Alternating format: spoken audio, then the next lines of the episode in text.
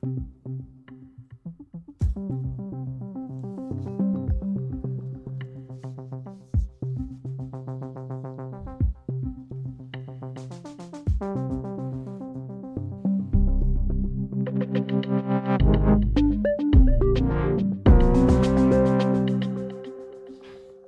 kulturministeren til VM i Katar? Kulturminister Ane Halsbo og resten af den socialdemokratiske regering har for noget tid siden meldt ud, at de ikke deltager ved vinter-OL i Beijing, som faktisk begynder netop i dag. Og grunden til det, det er en bekymring over de brud på menneskerettigheder, som foregår i Kina. Men de har endnu ikke taget stilling til VM i Katar, som bliver holdt i slutningen af året. Og det til trods for meldinger om mange tusind dødsfald og slavelignende arbejdsforhold i forbindelse med forberedelserne og byggerierne af VM i fodbold. Og i går der spurgte vores kollega Christian Henriksen, kulturministeren Ane Halsbo, på et pressemøde, om hvor meget Katar skal forbryde sig mod menneskerettighederne, før de ligesom også fra regeringen boykotter VM i fodbold. Christian Henriksen fra Den Uafhængige. Nu har kulturministeren lige sagt uh, dillermand på et officielt pressemøde, så jeg tænker, stemningen er løsluppen, så jeg få lov til at stille et lidt anderledes spørgsmål, end mange af mine kollegaer er kommet med her i dag. Øhm, vi er på Den Uafhængige og har været meget inspireret af de her uh, diagrammer og kurver osv., man havde med på alle de tidlige uh, coronapressemøder, så derfor har vi selv lavet en, en nogenlunde tilsvarende over uh, det, vi kalder det for en øvskala på menneskerettigheder – mm. hvor at vi har illustreret Katar og Kina og øh, Danmark. Og der kan man se, at Kina de scorer lige nu 9,5 i øv på menneskerettigheder. Og der har regeringen så været inde og sige, at øh, så kan vi ikke deltage til OL i Beijing. Katar de scorer lige nu øh, 8,5, og øh, der har man ikke taget stilling til endnu. Skal Katar op og score 9,5 på øvskalaen, for at vi ikke tager til VM i Katar? Jeg er meget optaget af de der tal, faktisk. Jeg er også meget optaget af, at vi har stærke medier, der løbende afdækker det. Ja. Og stærke medier, der løbende stiller de her spørgsmål, fordi det er jo den måde, vi kan få en diskussion af på, hvad er det for nogle rammer, sporten skal fungere indenfor. Det er jo blandt andet derfor, jeg synes, vi har brug for stærke, uafhængige medier, sådan at der kan blive stillet de her spørgsmål. I forhold til, hvordan vi forholder os til VM i Katar om et lille år, øh, så er det noget, jeg presser på for at forbedre forholdene omkring, øh, presser på for os at lave internationale alliancer omkring. Men helt konkret, hvordan deltagelsen øh, falder ud, det ser vi på, når vi nærmer os og kender udviklingen. Tak. Okay, så lige nu er planen, at man tager til VM i Katar. Hvis vi ikke har meldt afbud, det var så faktisk det ikke det, jeg svarede. Men jeg vil godt understrege, at det vi står og diskuterer i dag, det er medieudspil, øh, hvor hovedpointen, og det vil jeg godt understrege, er, at vi fortsat skal have stærke uafhængige medier, sådan at også historier som den her vedholdende kan blive hævet frem. Men du vil ikke svare på, om vi skal til VM i Katar? Jeg vil om, meget gerne synes. svare på, om vi har forholdt os til det. Øh, vi forholder os løbende til det, men der er ikke taget endelig stilling. Okay, tak. Således altså vores øh, kollega Christian øh, Henriksen her, og det var altså kulturminister Ane Halsbo. Camilla Borek, godmorgen. Godmorgen, Christoffer Lind. Vi har ret mange gode ting til jer i dag i programmet. Vi sender frem til klokken 9, blandt andet en, en ret så vild sag. Det er denne her 27-årige nordjyske mand, som nu er blevet idømt en øh, behandlingsdom, og det var en mand, som planlagde og forberedte flere skoleskyderier i øh, Østjylland. Og noget af det, vi, øh, vi, vi laver med ham, det er meget interessant. Det er, at vi taler med en mand, som hedder Christian Mogensen, som simpelthen har forsket i det her, så har han sådan dykket ned i nogle af de her fora, altså de her incelsfora, tror jeg, man kalder det. Så vidt jeg har forstået, var det måske endda ham, der opdagede den her mand. Og det han planlagde. Ja, så han har læst rigtig mange ting, og det han, øh, han skrev på nogle af de her forer, blandt andet omkring øh, kvinder. Han har ikke kunne læse de her beskeder op før, men det kan han så i dag, og det gør han senere i, øh, i dagens program. Det, øh, det bliver interessant. Derudover så, øh, så har vi en, øh, altså jeg glæder mig til mange historier i dag, men der er særligt en, jeg glæder mig til, det kan jeg godt sige. Det er i forhold til, øh, til HK, som vi endelig har fået i tale. Fordi det er sådan, at den nu Tidligere HK-boss, han hedder Kim Simonsen, han får lige nu udbetalt næsten 60.000 kroner af medlemmerne om måneden for at være gået på tidlig pension. Og bare lige for at sætte det relief. Til sammenligning så tjener en butiksansat HK ca. 25.000 kroner om måneden i løn. Og denne her sag, som vi altså gerne vil kalde for en øh, pampersag, den har vi dækket lige siden vi gik i luften i april sidste år. Og nu har vi rent faktisk en HK i tale, fordi vi giver i dag HK's forbundsformand mulighed for at svare på, hvordan det gavner HK's medlemmer, så altså blandt de lavest lønnede i Danmark. Og øh, bare lige for at sætte, øh, sætte det lidt på spidsen, så kan jeg lige høre her et, øh, et klip hvad, øh, fra arbejdsmarkedsforsker Bent Greve fra Roskilde Universitet. Han sagde til os tilbage i, øh, i maj måned omkring den her sag. Jeg har ikke set nogen sager, hvor man får en pensionsordning, der er så gunstig, som der er tale om i de her tilfælde. Det er en, en atypisk ordning, og det går jeg også ud fra, derfor man rent faktisk har afskaffet den. Så der kommer ikke flere til ordningen for det, der har været øh, i dag. Hvad skulle berettigelsen være af sådan en ordning? Jamen, historisk kan man sige, der gælder både for topchefer og både privat og offentligt, at nogle gange giver man en lidt længere øh, kan man sige, aftrædelsesgodtgørelse, fordi at der er måske en større risiko for at, at blive fyret. Men det her det er langt ud af de grænser, vi har. Men at give sådan op til seks år øh, med, med to tredjedel af tidlig løn, det er simpelthen ikke noget, vi, vi ser på danske arbejdsmarked. Jeg kender ikke andre tilsvarende ordninger. Ja, og øh, som sagt, det er det senere i dagens program kl. 57 øh, meget præcist, at vi har HK's forbundsformand øh, på besøg, og hun 58. kommer... Hvad sagde jeg? 57. Jeg skal, jeg skal lige vågne. Ja. 58, og hun kommer simpelthen øh, i studiet til at svare på, hvorvidt det her det er okay, og selvfølgelig også, hvad nu, hvis hun stopper, kan hun så også få en øh, lignende øh, ordning. Vi øh, iler videre til, øh, til et klip, som øh, Ja, det er en god øh, Christian Henriksen, vi, øh, vi tager i spil igen. Han er, han er godt ude, øh, gud for os for tiden. Han er jo journalist her på, på Den Uafhængige, og øhm, denne her gang, der skal det handle om Dan Jørgensens klimaaftale. Altså giver den her klimaaftale nogen som helst mening? For vi har jo i denne her uge på Den Uafhængige afsløret, at det ikke har nogen konsekvenser for en af Danmarks største CO2-ledere, cementfabrikken Aalborg Portland, at misligeholde deres aftale med klimaministeren om at mindske deres CO2-udledning så er en aftale overhovedet en aftale, hvis der ikke er nogen konsekvenser ved at bryde den. Ja, det er jo noget, vi har dækket her. Du har også øh, talt med blandt andet Aalborg Portland, så vidt jeg lige husker, og det er jo det her med, at der er en aftale, ja, men hvis de så ikke lever op til de her krav, de her 20-30 krav, tror jeg det er, hvad sker der så? Ingenting. Ingenting. Nå, så det er umiddelbart, så kan det godt virke som en øh, aftale, der er en lille smule øh, meningsløs og uden gavn for øh, klimaet, men øh, det kan jo også være, Camilla, at det er bare os, der ikke helt forstår meningen i denne her aftale. Derfor sendte vi altså journalist hos os, Christian Henriksen, afsted for ligesom at teste denne her aftale skabelon og forsøge at lave en lignende aftale med Dansk Flygtninghjælp for at høre, om de synes, at nogle af parterne får noget ud af en aftale, som er konsekvensløs at bryde. Hør, hvordan det gik her. Det er fordi, at vi kunne godt tænke os at få sådan en samarbejdsaftale, du ved, hvor man får sådan et, et stempel på, at vi har en ambition om at donere penge til velgørenhed. Øh, ah, og så ja. fik jeg at vide, at, øh, at det var nok mere dig, der var den rette at snakke med det om. Ja, det er det. Ja. Det er det. Hvordan, jeg er den. Ja, du er den rette, okay. Hvordan, men, men, men, men, men hvad, hvad, hvad snakker vi om? Hvad er det, I forestiller jer? Øh, jamen... Er det et, et længerevarende samarbejde? Er det en indgangsdonation? Er det vi har sådan nogle, vi har sådan nogle øh, årsmedlemskaber for øh, virksomheder, ja. øh, hvor, som er gradueret. Jo mere man giver, des mere får man. Øh, eller er det et, et samarbejde med os, hvor I leverer nogle ydelser til os, så til gengæld, eller du ved, altså, hvad, hvor, hvad er det, I forestiller jer?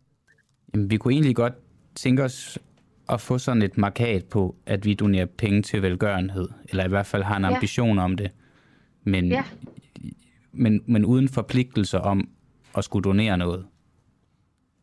Ah, så I vil have lov til at sige, at I måske har tænkt at give nogle penge til os? Ja.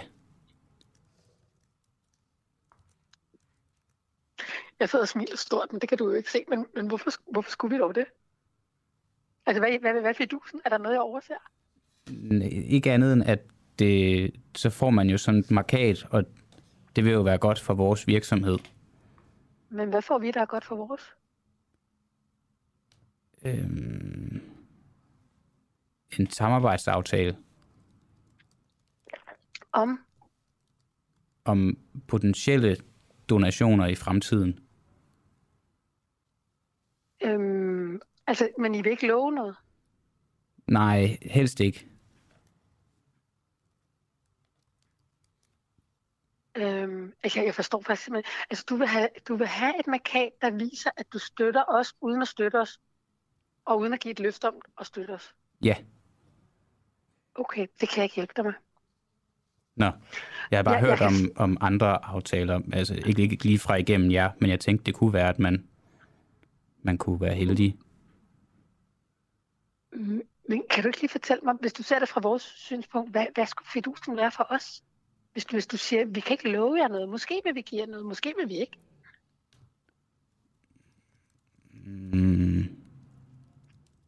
Jamen, det, der har jeg jo mest bare set det fra vores synspunkt. Ja. Ja. Men jeg tænker bare, hvis man indgår en aftale, så skal der vel være noget i det for begge parter. Ja. Ja, det kan jeg egentlig godt se. Det var måske lidt ambitiøst. Ja, og skal vi lige huske at nævne, at øh, man kan jo gå ind og støtte Dansk Flygtningehjælp med rigtige penge. Og øh, hjemmesiden, jeg synes jeg fandt den lige før, den her, den, det er drc.ngo, så kan man altså gå ind og øh, hjælpe med et rigtigt øh, beløb. Og tak til, øh, til Christian Henriksen. Ja, det var jo ligesom for at illustrere, at det at lave aftaler, som ikke har nogen bindende konsekvenser, det måske ikke er så attraktivt i virkeligheden. Ja, og Camilla Bragi, nu skal vi videre til øh, den historie, der fyldte det hele i går, nemlig øh, Benny Engelbrecht, som jo ikke længere er transportminister. Det her det er Maj Villersen fra Enhedslisten. Ministeren har tilbageholdt afgørende klimatal og dermed vildledt Folketinget. Det er indlysende, at de her øh, hemmeligholdte tal, de ville have gjort en forskel for, for, i forhandlingslokalet. De havde gjort en forskel for os og for rigtig mange andre partier. Og derfor kunne de også have gjort en forskel for det endelige resultat, og i sidste ende jo for det, vi synes er allervigtigst, nemlig klimaet. En sag, der var stor nok til, at øh, Benny Engelbrecht han altså måtte trække sig, men spørgsmålet er, om den også var sådan stor for den almindelige dansker, os der sidder herude. Altså, hvad, hvad, hvad var det dårlige ved, at Benny Engelbrecht holdt de her CO2-tal skjult? Og øh, ja, hvad, jeg kan starte med at spørge Jarl Kortua, som er politisk kommentator. Hvad gjorde Benny Engelbrecht, som blandt andet enhedslisten mente var forkert? Og godmorgen, Jarl. Godmorgen. Jamen altså, forestil dig, at du sidder til en forhandling. Du skal, øh, du skal hvad hedder det, bestemme øh, ufattelig mange milliarder næste 15 år. Der skal investeres i broer og hjerne, øh, øh bro, veje og jernbaner.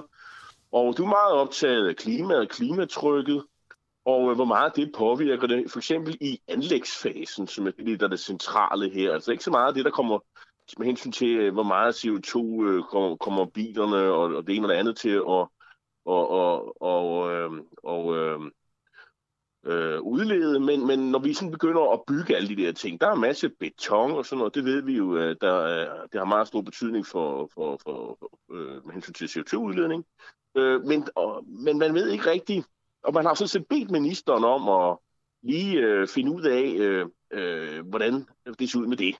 Og øh, undervejs i den proces, så får du at vide, at det, det, der, der findes ikke rigtig nogen tal for det. Og, øh, og så sådan, okay, hvis det ikke kan komme, øh, hvis man ikke kan komme videre den vej, og nu skal der ligesom træffes en beslutning, om man være med i sådan et forlig, og så ender man med at sige, okay, men så går vi med, øh, selvom det andet var vigtigt for os, øh, før vi skulle ligesom træffe den beslutning, at man vil være med i sådan et forlig. Og så finder man øh, så ud af, øh, sådan et, øh, nogle måneder efter, øh, da en øh, aviste ingeniør skriver, at øh, der fandtes faktisk sådan nogle øh, beregninger, lavet af Vejdirektoratet. Men i ministeriet, der holdt man dem tilbage, øh, fordi man ikke synes, at de var sådan øh, gode nok, ikke sådan kvalitetsmæssigt. Så man kan vel sige et eller andet sted, at han har øh, skal man sige, fyret en, en, en hvid løgn af. Eller man kan sige, Øh, det er også det, han henholder sig til. Han, han mente ikke, at de tal var, var noget, man kunne bruge ligesom i, øh, i, mens man sad og, og træffede beslutninger. De, de var simpelthen ikke af den kvalitet, som gjorde, at de havde sådan en betydning. Men jeg skal virkelig være og, enige om, at det er jo rimelig normal praksis, at man ligesom lægger nogle tal op, som det så kan være op til forligskredsen og selv vurdere, om er ja, jamen, det, Ja, øh, det havde jo set i bagspejlet jo nok været den mest fornuftige øh, grund. Så kunne man jo sådan selv sidde og blive enige om, ja, okay, men altså, vi kan ikke rigtig bruge de her tal, fordi øh, øh de er noget hø af de og de grunde, øh, men nu har jeg dem, og øh, nu har jeg ikke øh, siddet her og, og, og, og holdt jer noget, øh, nu sidder jeg ikke her og holder noget tilbage, fordi øh, selvfølgelig skal I have det, det vi har. Man kan også have sagt, øh, øh, altså, hvis man har sådan nogle tal, øh, rigtige, urigtige, øh, så er det nok ikke så klogt, og, og, og, og, og Folketinget har spurgt efter dem, så er det nok ikke så klogt at sidde og holde dem tilbage. Øh, så må man hellere tage diskussionen i sådan en forhandlingskreds øh, eller med enhedslisten øh, og forklare, hvorfor man ikke mener, at de kan bruges. Øh, det, det kan jeg lige se i dag. At det, var nok en, øh, det har nok været en øh, fornuftig fremgangsmåde. Øh, så det er måske en øh, meget pædagogisk øh, øh, skal sige, øh, illustration af, at når man er minister, så øh, må man ikke øh, øh, lyve, og, og, og, og man behøver heller ikke at lyve, man skal også øh, holde sig en pæn strik til sandhed øh, hele vejen igennem, øh, ellers så falder hammeren øh, benhårdt. Øh, og så er det vel, og det tror jeg også hører med her, altså det er vel også en anledning for enhedslisten at sige til vælgerne, specielt de vælgere, der går op i klima, at øh, dem kan man ikke køre om hjørner med, og hvis man gør det, så falder hammeren benhårdt. Det hører vel også med i billedet. Altså enhedslisten skal ud og forklare sin vælger, hvorfor man er gået med til, og, og, og, og, og i det her forlig her, som ikke er grønt hele vejen rundt. Øh, og det har de så øh, sagt nu, at øh, jamen, altså, ministeren forsøgte at snyde os, og, og, og nu er han ikke minister mere. Og øh, her kl. 11, der kommer der en ny minister, kan vi nu allerede se her, øh, fordi der præsenterer dronningen øh, ændringer i regeringen. Og det bliver jo så allerede spændende, om der skal ske flere ændringer i regeringen. Det ved vi så ikke. Der var noget, der undrede mig, Jarl, i går, altså apropos de her tal, som, øh, ja. som øh, Benjamin Brecht har ja, mere eller mindre overlagt tilbagehold for, øh, for forlisparterne. Han siger, Ben Engelbrecht, tallene blev ikke forelagt ham, men han var orienteret. Hvad er forskellen på, at nogle tal er forelagt en, og at han så er orienteret? Det kan jeg simpelthen ikke forstå. Øh, nej, det... Øh, men men, men det, det, det afgørende er vel egentlig, om man har kendskab til dem. Ikke? Altså, det det. det, så hvis det, han var orienteret, altså, så... så altså. Ja, altså... Man kunne sige, hvis der nu havde ligget nogle beregninger, som man ikke kendte til, så, så går han jo og sige, at jeg kendte ikke de beregninger. Altså, så...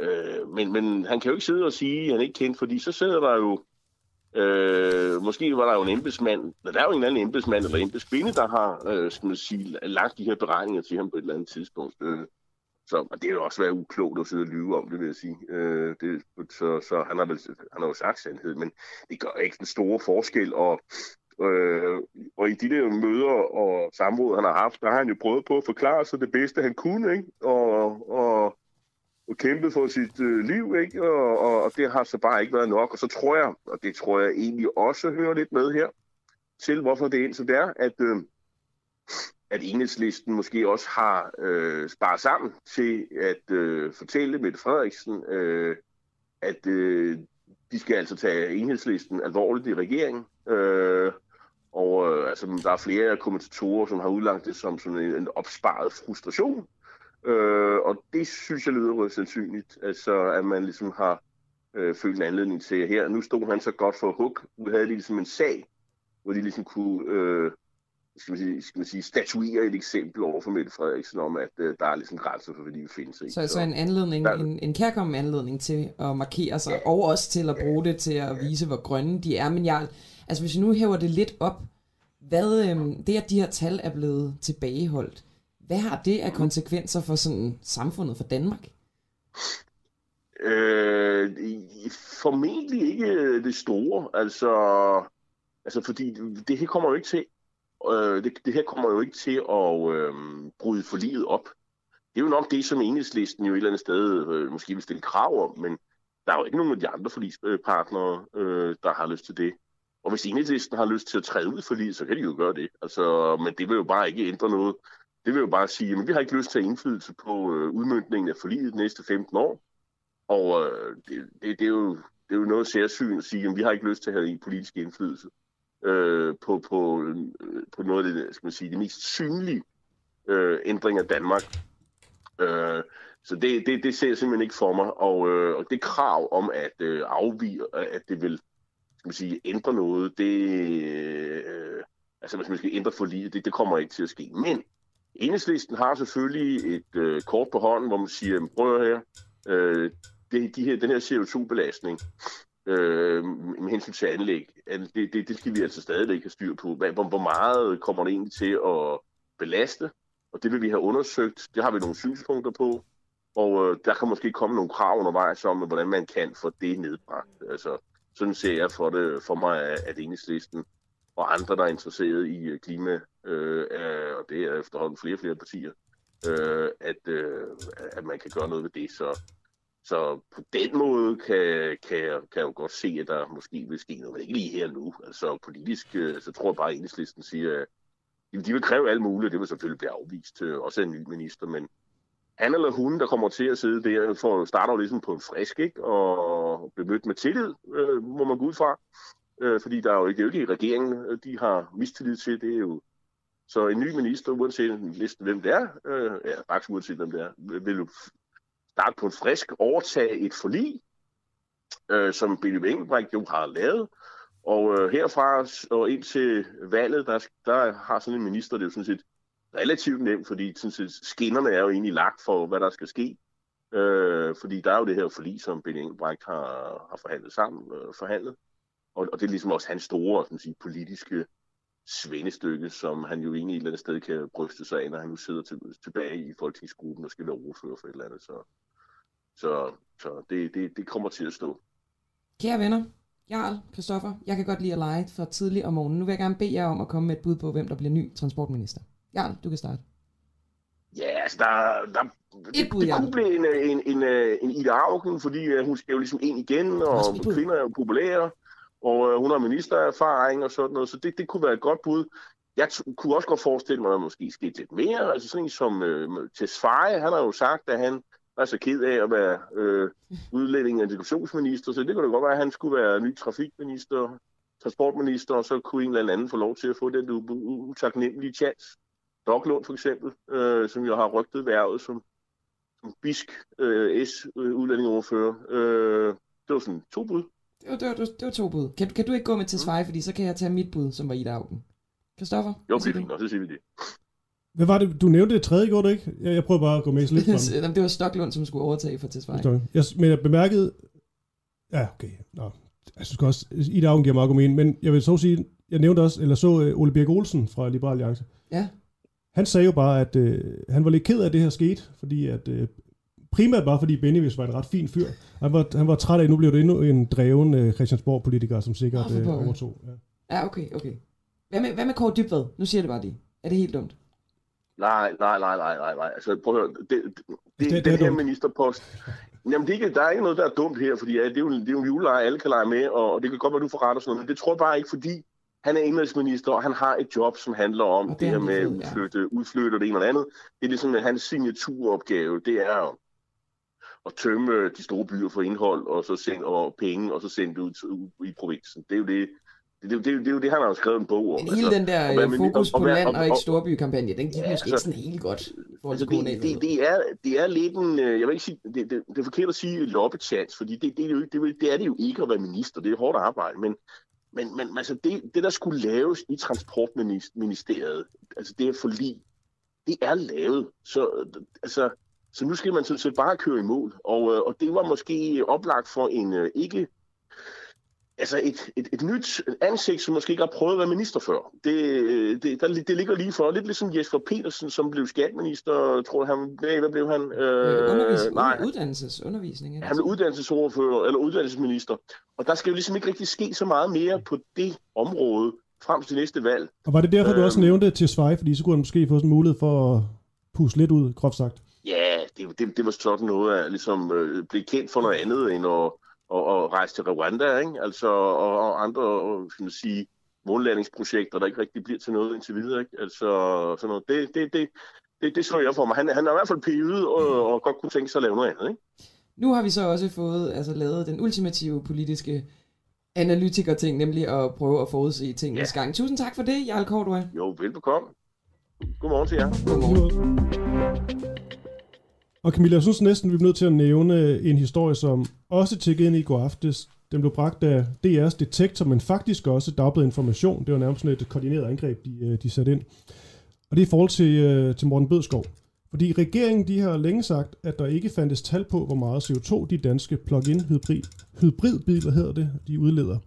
Men Detektor de fortæller nu, at øh, skatteminister Morten Bødskov, han har siden slutningen af november sidste år haft nogle tal, der viser, at hybridbilerne ikke bliver kørt så grønt, som man håbede. Og det her er altså vigtigt, fordi der bliver givet flere milliarder kroner i grønne rabatter til de her plug-in hybridbiler. Og der er mange derude at kritisere det her, men jeg tager lige en af dem. Det er Venstres transportordfører, der hedder Christian Pil Lorentzen. Og han har efterspurgt de her tal, og har ikke fået dem, og er stærkt utilfreds med, at ministeren ikke har delt oplysningerne. Han siger til Detektor, det er dybt utilfredsstillende. Det tegner jo et billede af en regering, der ikke rutter med fakta og oplysninger over for Folketinget, når vi spørger, og det er stærkt kritisabelt. Og Camilla, er vi enige om det her? Det minder lidt om en sag, vi lige har haft med Ben Jeg skulle til at sige, det lugter af Bennys brændte bukser. Det må jeg sige. Præcis. Og der er jo nogle gode spørgsmål, der melder sig her. Også i forhold til enhedslisten. Fordi øh, hvis det her det skal danne præcedens, så er der, er der vel mulighed for, at Morten Bødskov også skal ryge som næste. Det er jo efterhånden dominobrikker. Altså Mogens Jensen, Benny Engelbrecht. Lad os så se. Ja. Morten Bødskov. Og vi prøver selvfølgelig at få nogle meget interessante kilder på til det her, tænker vi. Øh, fordi det er en sag, der var kommet til at vokse større, det er jeg sikker på. Hvorfor har Vladimir Putin 30.000 soldater i Hvide Rusland? Sent i aftes der annoncerede Reuters, at øh, Rusland ifølge NATO har 30.000 soldater i, øh, i Hvide Rusland, altså tæt ved den ukrainske grænse. Og denne her situation, den, øh, den spidser til. Men en hackergruppe er efter sine blevet en øh, sten i skoene på Vladimir Putins planer. Vi taler nu med Jonathan Schacht Halling Nielsen, som er Hvide Rusland eller Belarus kender og har studeret og rejst i øh, landet og følger altså situationen i landet meget tæt. Jonathan, hvad er det for en øh, hackergruppe, som måske kan være dårlig nyt for Putin, og godmorgen til dig? Godmorgen. Det er en hackergruppe, der kalder sig cyberpartisanerne. På den måde trækker de til den her belarusiske arv under 2. verdenskrig, hvor man havde partisanerne, der kæmpede mod nazisterne ude i de belarusiske øh, skove. Cyberpartisanerne har siden protesterne i øh, august øh, 2022 lavet en række massive hack mod den belarusiske stat. På et tidspunkt der overtog de sågar livesendingen fra belarusisk stats tv og skiftede det planlagte program ud med øh, billeder af politimænd med tævede øh, sagsløse demonstranter. Så det er nogle folk, der har vist, at de er i stand til at bryde ind i de statslige systemer. Og de er så brudt ind i øh, togvæsenets øh, systemer og har sat en række signaler ud af kraft, simpelthen for med moderne midler at lave gammeldags tog, sabotage, som skal forhindre øh, bevægelsen af tog med, med godstog med, russiske, øh, med russisk krigsmateriel ind i Belarus. Og vil du ikke fortælle lidt mere om de her, øh, de her, de her tog med krigsmateriel? Jo, altså det, der er sket øh, her den, den seneste tid, er, at øh, Lukashenko er begyndt at betale prisen for, at øh, Putin reddede ham øh, ved magten. Og prisen er en stadig større russisk indflydelse i, øh, i Belarus. Øh, et af udtrykkene på det er, at øh, Belarus faktisk netop øh, nu skal stemme om en ny forfatning, som skal ophæve landets øh, grundlovssikrede krav om neutralitet. Øh, og øh, Lukashenko har direkte sagt, at han inviterede øh, russiske styrker, skulle de have lyst til at invadere Ukraine, til at gøre det igennem Belarus. Han har jo også inviteret Putin til at placere russiske atomare sprænghoveder i, øh, i, i, i Belarus. Og øh, officielt har russerne ikke taget imod nogen af invitationerne, men de har dog sagt, at de skal holde en meget stor øh, militærøvelse her i februar. Øh, på belarusisk territorie øh, sammen med belarusisk militær lige på grænsen til, øh, til Ukraine. Og derfor flytter russerne 30.000 soldater og over 200 godstog med krigsmateriel ind i Belarus. Det er en langt større skala end nogen andre fælles øvelser, vi tidligere har set mm. mellem de to lande. Og vi skal også lige brede det her lidt ud lige om et øjeblik, tænker jeg. Øhm, altså hvad det er præcis Vladimir Putin og Rusland, de egentlig har, har gang i mm. omkring øh, Belarus. Nu siger du 200 godstog. Jeg skal bare lige igen forstå lidt mere omkring denne her øh, hackergruppe, fordi det er jo kuriøst, og det, det er spændende, men har du noget bud på, hvor, altså, kan de reelt set uh, forpure nogle af Putins planer?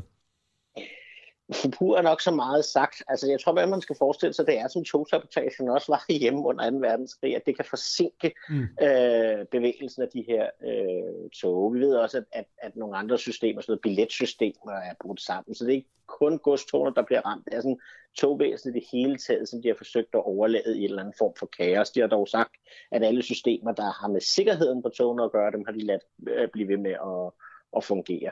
Det er lidt svært, der er ikke kommet på den måde øh, klare oplysninger ud i landet om, hvor omfattende øh, problemerne, øh, som, som de her cyberpartisaner har, har, har, har skabt, øh, er. Øh, og vi kan jo se, at, at russisk krigsmateriel stadig øh, kommer ind i, øh, i Belarus dagligt. Så det er ikke sådan, at systemet er sat i stå, men der er altså en eller anden form for forsinkelse på bevægelsen af de her tropper ind i landet. Og det er så også fordi, at cyberpartisanerne siger, at risikoen er stor for, at de her russiske tropper ikke tager hjem fra Belarus igen. Altså at det også kan ende med at være en slags besættelse af Belarus. Og så lad os, øh, lad os tage den del, fordi i de her dage, der har fokus været rigtig meget på hele Rusland-Ukraine-konflikten. Bliver det optrappet? Bliver det ja, til reel krig? Og så videre. Og på en eller anden måde har Belarus ikke fået helt så meget øh, opmærksomhed. Vil du ikke lige fortælle, fordi det er jo det gode ved at tale med dig, Jon Tanchak, det er jo, at du også følger med i de, øh, ja, de medier, der er i, i Belarus og folkestemning og alt det her. Hvad, hvad bliver der skrevet lige nu om situationen? Jamen altså, det man skal, altså, altså, altså, der er jo kun én retning på medierne derovre, det er, er, er Lukashenkos retning. Og Lukashenkos retning er, at Vesten er nogle store øh, forbrydere, øh, og øh, at, øh, at, at Rusland måtte føre en retfærdig kamp mod øh, Ukraine. Og øh, Putin, øh, undskyld, Lukashenko har ligesom lagt alle sine lodder i, i Putins øh, skål. Tidligere har det jo faktisk været sådan, at Lukashenko har ført sådan en politik, hvor han har haft sådan noget på den ene side, på den anden side, og ikke været alt for stærkt i russernes lejr i forhold til Ukraine. Han har for eksempel sagt for nogle år tilbage, at han anerkendte den russiske annektering af øh, Krim de facto, men ikke de jure. Altså, øh, han anerkendte faktisk ikke, at, at landet øh, officielt havde overtaget øh, Ukraine, hvilket jo er bemærkelsesværdigt for en, man regner som en tæt allieret til, øh, til, til Rusland. Men det var fordi, han holdt fast i denne her egen sin uafhængighed, også for at kunne være en stærk diktator. Det kræver jo, at man kan være noget selv, og ikke bare øh, være noget for andre. Øh, men, men nu er han altså i en situation, hvor Putin har sikret hans øh, forblivelse øh, ved magten i Belarus. Øh, det har han gjort ved at sende øh, belarusisk hjælp i form af sikkerhedsstyrker, og øh, i det hele taget holde økonomien kørende i i Belarus, så Lukashenko kunne holde det her meget store sikkerhedsapparat, der kunne undertrykke befolkningen øh, siden det her valg, han tabte betyder det så, Jon, ja, betyder det så, Jonathan, at vi skal ikke tænke det som om, at de, øh, øh, de vil gå ind og ligesom øh, besætte Belarus. Måske er det mere sådan, øh, at Putin kan bruge Belarus som et, øh, et springbræk til, øh, til naboen i Ukraine. Umiddelbart er det det sidste. Altså umiddelbart er det, man skal tænke, at det er et springbræt. Men det, som en del spekulerer det i, det er, hvor svært det bliver for de der russiske styrker til at rejse hjem igen, når hele den her konflikt med Ukraine forhåbentlig får en afslutning. Øh, så står der 30.000 soldater i øh, russiske soldater i Belarus, et land, som selv har en her på under 50.000. Øh, kan de motiveres til at forlade Belarus igen, eller bliver de, og hvis de bliver, hvad betyder det så for belarusisk selvstændighed? Mm. Jonathan Schacht, Halling øh, Nielsen, Belarus kender... Øh, jeg tror, det var det i første omgang. Vi øh, vender nok tilbage. Det, det har vi det med at gøre. Det er, det er spændende, spændende stof. Det er forskud af. I lige måde. Tak.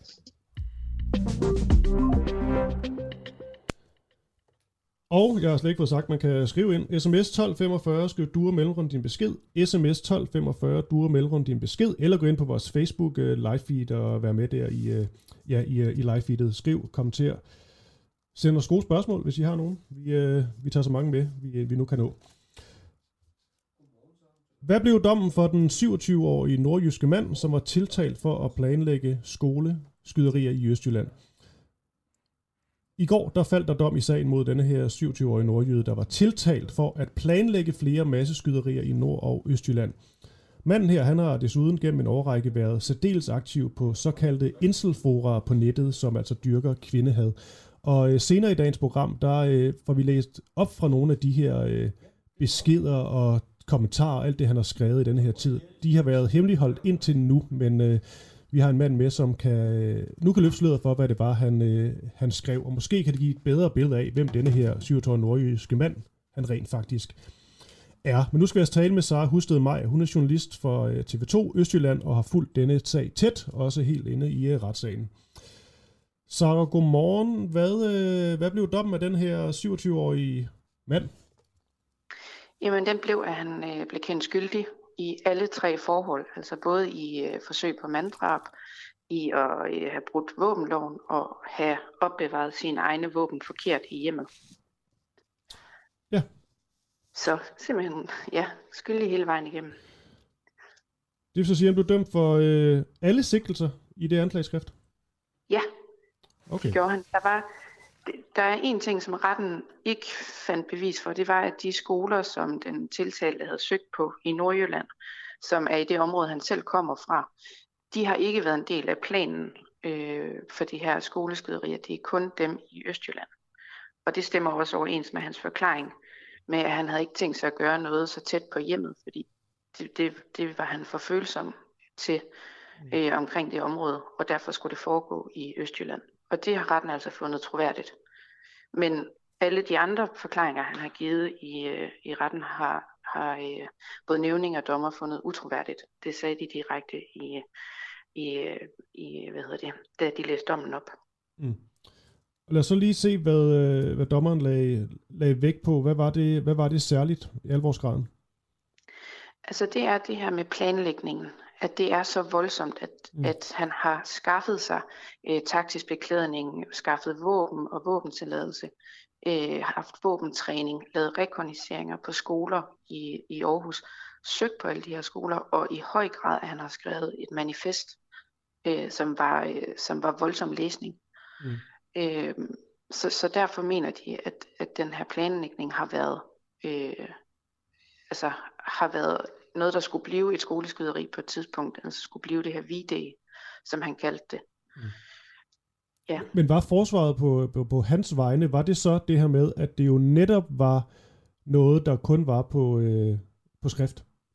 Ja, det, forsvar er, at det er fantasier, det her. Mm. Øh, og at den tiltalte har den sygdom, altså har Aspergers, og derfor øh, ligesom har de her, øh, de her meget vilde fantasier, som er en, en ting, hvis man har Aspergers. Mm. Og det er det, der ligesom har gjort det, og det var også det, som, som øh, den tiltalte faktisk selv sagde, da han fik det sidste ord i retten i, øh, i torsdags, at prøv at høre, jeg, jeg er syg, og jeg er drevet af den her sygdom, og det er derfor, at jeg har gjort det her. Mm. Men, men det mente hverken nævning eller dommer, altså, at, øh, at det var rigtigt. Eller at det i hvert fald skulle ligge så meget til grund, at han ikke skulle kende skyldig. Og Nu blev han jo kendt skyldig. Hvad var egentlig sådan vurderingen af, hvor tæt det her var på at blive ført, øh, ført ud i livet? Altså anklagemyndigheden siger, at de har stoppet et angreb. Øhm, og det gør de, fordi at han jo ligger en, en øh, ordre på en automatrifle i december. De mener ligesom, at det, det, var, det var det afgørende step til, at han kunne finde på at gøre det. Fordi hvis man ligesom af, eller anskaffer sig en automatrifle, så, så er man så langt i planlægningen, så er man så tæt på, at man altså, ja, virkelig mener det. Det er anklagerens påstand. Forsvaret mener jo, at det aldrig har været tæt på, og at den tiltalte jo har, det har vi også hørt i retten mange gange, har udskudt den her viddag flere gange, fordi han enten var vejret var dårligt, der var corona, mm. der var nogle familiemedlemmer, der havde fødselsdag den måned, så ville han ikke, og derfor mener de, at jamen, det her det er en fantasi, og, og den bliver ligesom bare brugt til at føle noget. Altså når det kom til stykket, så ville han faktisk ikke udføre de her handlinger? Nej, det mener, han, det mener den tiltalte jo ikke, og hans forsvar ikke. Og det er også derfor, at de har bedt sig om 14 dages betænkningstid nu. Øh, det vil sige, at de har altså ikke modtaget dommen direkte, de har ligesom bedt om, at vi vil gerne tænke over det, fordi, som forsvaren sagde til mig i går, øh, den tiltalte mener ikke, at han har gjort det her, så skyldspørgsmålet, det er de uenige i, og straffen er, er de også uenige. Så de skal lige have lidt tid til at tænke, før de, de melder tilbage til retten. Da han får dommen, den, øh, den 27-årige tiltalte, hvordan, øh, hvordan reagerede han? Øhm, jamen, altså, det er faktisk lidt svært at sige, fordi man ser ikke så meget øh, mimik fra ham. Ja. Han har alle retsdage bare siddet, øh, og tit lidt med hænderne under hagen, eller øh, bare sådan kigget lidt rundt. Ikke særlig meget øjenkontakt, for eksempel aldrig øjenkontakt med anklager. Mm. Øh, så, så der var ikke så meget efter dommen var faldet, øh, var der en lidt, måske lidt lettere stemning. Det lyder måske lidt underligt, men der var lidt flere grin over for den side af retssalen. Måske fordi, at, altså nu kunne han slappe lidt af, nu var vi ligesom, nu er han videre, nu skal, nu skal der ske noget nyt. Men, men ellers så, altså, der var ikke så meget. Hvad, hvad sker der med ham nu? Jamen nu skal han jo så tilbage i, øh, i varetægtsfængsling øh, fordi de har, ja, de har bedt om at tænke på øh, de der 14 dage, og fortsætte den behandling, han har fået. Og så skal de så vælge, om de vil modtage dommen eller ej. Mm. Og så skal han jo så enten i gang igen i, øh, i landsretten, eller så skal han starte på den her øh, anbringelsesdom. Og lige her til sidst, øh, så hustede Maja, vi taler senere med øh, Christian øh, Mogensen, som øh, vil læse nogle af de her øh, beskeder og tekster op, som han har, han har delt og skrevet på nogle af de her inselforer på nettet, altså forer, som simpelthen dyrker kvindehad. Hvor meget var det en del af, af retssagen? Altså det har været en stor del af, af retssagen, både i afhøringen fra, fra anklager og i proceduren. Øh, I dommen blev det ikke nævnt øh, som, som noget øh, voldsomt, men det er jo en del af, af, af anklagerens øh, måde at vise, hvad det er, hvordan han tænker, og hvor meget han ligesom har skrevet, hvad han vil gøre. Han har jo omtalt de her skoleskyderier, som han, vil, han har planlagt i de her indselforer og har skrevet nogle ret voldsomme ting omkring de her kvinder, og hvad han vil gøre ved dem, og hvordan kvinder egentlig ikke skal være øh, på jorden, fordi vi overtager den osv. Så, så, så på den måde har det været en, en stor del af øh, beskrivelsen af ham. Og derudover så er det jo faktisk også det, der fælder ham øh, i første ende. Det er, det, der, det er hans måde at være på inde i de her inselforer, som gør, at han bliver anmeldt til politiet. Okay, så er Husted Mara, journalist på TV2 Østjylland. Endnu en gang tak, fordi du var med. Det var slet. Du lytter lige nu til Den Uafhængige. Danmarks måske mest kritiske, nysgerrige og levende radio. Hvis du har en god idé til en historie, så skriv til os på Facebook eller send os en mail. Adressen finder du på hjemmesiden.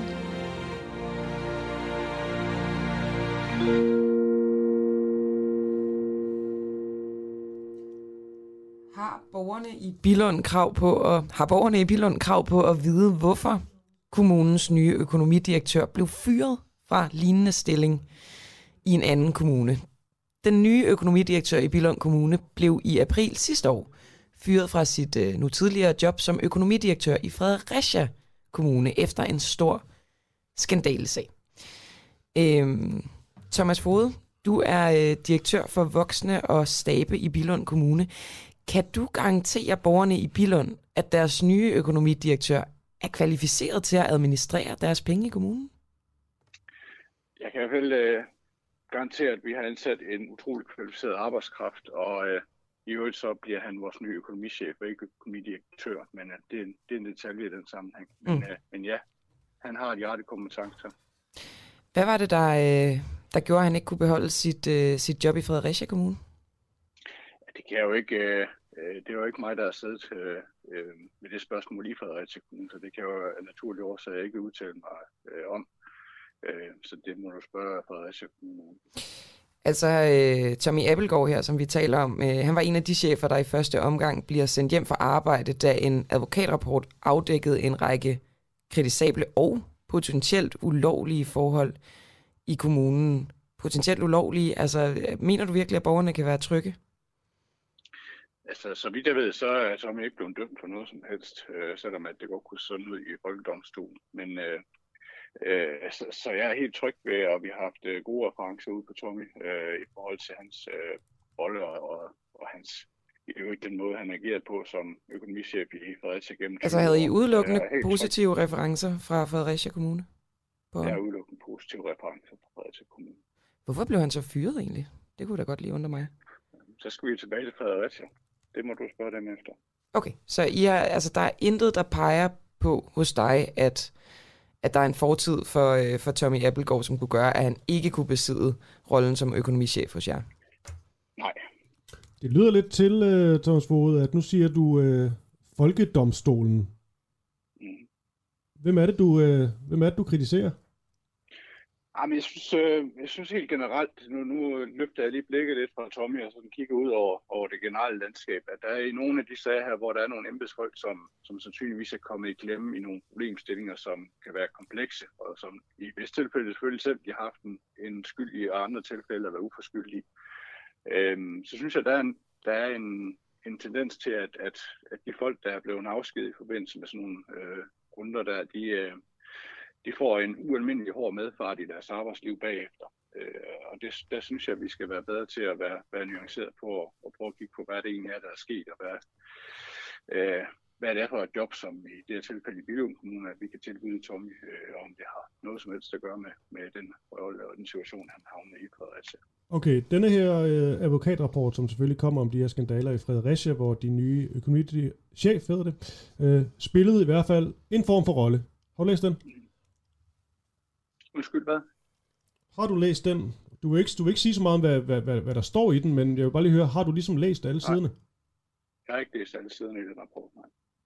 Hvor, hvordan kan du så udtale dig så øh, sådan her? Jamen, jamen, vi skal jo, altså vi er jo i gang med en rekruttering af en økonomichef. Vi er bekendt med, at Tommy han har været involveret i den her Fredericia-sag, som du øh, henter til, og i den forbindelse er blevet opsagt. Vi har kørt en grundig ansættelsesproces med hjælp fra eksterne konsulenter i forhold til at få afdækket, om øh, øh, Tommy er kvalifikationer og kompetencer er stadigvæk er der i forhold til de, øh, de opgaver, han skulle løse for os. Hvordan kan det være grundigt, når I ikke har læst rapporten? Det er jo en grundig vurdering af øh, både situationen og i forhold til... Hvordan kan I vurdere situationen grundigt, når I ikke har læst den rapport, som afdækker situationen? Er den rapport den er offentligt tilgængelig, eller hvad? Det skulle jeg mene. Ellers kan I vel som nye, øh, som nye øh, arbejdsgiver få adgang til den, går jeg ud fra. Jeg går ud fra, at det er en uh, rapport, som, som ikke er offentligt tilgængelig, men det, det kan jeg så fejl på. Men du har ikke undersøgt, om I kunne få lov at læse den? Det har ikke været et issue her, nej. Alright. Det er bare, Thomas Fod, når du taler om sådan en, øh, en folkedomstol, som så ligesom har øh, på en eller anden måde har, har dømt ham med, at Tommy Appelgaard i hvert fald øh, moralsk, der kan det vel klikke lidt hul, når der så er en advokatrapport om de her, der afdækker de her skandaler, at du så udtaler det uden at have, have læst den, for har, der kan har, har, I, har, har I aflæst den uh, advokatrapport? Nixon. Ja, Jamen, så tror jeg ikke, den er offentligt tilgængelig. Alright. Men det, jeg tænker på, den her folkedomstol, du taler om, kunne det ikke også skyldes, at der jo, altså, du ved, der kommer sådan en her rapport, og der er nogle kritisable forhold og potentielt ulovlige forhold. Hvis nu, at Tommy Appelgaard eller dig gik ud og ligesom forklarede, hvad der lå bag, fordi han, han ved det jo, kan man sige, uagtet om du har adgang til rapporten, så vil der måske ikke være den her tendens til, at folk begyndte at, at ligesom tage fat i fakler og hyrtyve. Hvis der var mere gennemsigtighed. Det, det, så synes jeg, vi er tilbage i Fredericia Kommune. Altså, Tommy er jo ikke den eneste part i den sag her. Uh, tværtimod, så er han måske en Men det er jo din nye ansat, altså det er den nye økonomichef hos jer, ikke? Mm. Så, så, ja, og, jeg så... Kan, jeg, og jeg kan forholde mig til, at, at vi har grundige referencer på, at Tommy han igennem 20 år har bestridt en stilling, hvor han blandt andet har været økonomichef i Fredericia. Det vi skal bruge ham til her. Øh, og det er jeg helt sikker på, at hans kvalifikationer også dækker til i Bilund. Okay, Thomas Fod, så lad os bare lige her til sidst lige gå tilbage til øh, startspørgsmålet. Har borgerne i Billund krav på at vide, hvorfor kommunens nye økonomichef blev fyret fra en lignende stilling i en anden kommune? Ja eller nej? Det mener jeg ikke, de har. Jeg mener også, at der er noget tavshedsbelagt i, i sådan nogle advokatundersøgelser. Det er mig bekendt ikke været offentligt tilgængeligt materiale, hvad der er sket i Fredericia-sagen. Øh, og Tommy er ikke blevet dømt for noget som helst. Han er blevet fritstillet af Fredericia Kommune. Hvis han har begået nogle, øh, nogle fejl på sin, øh, sin, sin vagt, det er i hvert fald, hvis det kommer frem, øh, og du vil anerkende det, skal de så vide noget, borgerne i Billund, synes du? Ja, hvis det bliver offentligt tilgængeligt, så må vi jo tage den derfra, hvad det er, der, der er kritisabelt. Øh, for mig at se har Tommy bestridt en post også i, som øh, personale, øh, hvad hedder det, personalansvarlig i Fredericia Kommune, og den post skal han ikke bestride her hos os. Øh, og, og, og så længe er den sådan set ikke. Øh, han skal være økonomichef og lønchef og indkøbschef, og de øh, kompetencekvalifikationer, han har i den retning, er helt tryg ved, at han øh, kan fortsætte det jo et rigtig fint arbejde, han lavede på Fredericia Kommune også. Jo, men det her bør jo ikke kun at handle om, hvorvidt man øh, er dygtig til at, til at varetage sit arbejde. Der kan jo også være nogle, øh, nogle, nogle moralske forpligtelser, som følger med sådan et job. Mm. Og det er jo der, hvor jeg startede med at sige, at jeg tror, at man bliver nødt til at forstå, og nu taler jeg ikke om Fredericia-sagen, men øh, på et generelt niveau, at der indimellem kan opstå nogle situationer, øh, især hvis det er på øverste embedsniveau og øh, borgmester og så videre, som øh, gør, at man kan være nødt til at blive fritstillet i sin, øh, i sin stilling. det sker dagligt omkring, øh, eller i hvert fald ugenligt, at der er øh, nogle tillidsbrud øh, i den øverste topledelse, og så skal man jo komme videre i sit arbejdsliv bagefter også. Okay, Thomas Fode, direktør for Voksne Stabe i Billund Kommune. Det var alt herfra. Kan du have fortsat uh, god morgen? Ja, tak lige meget.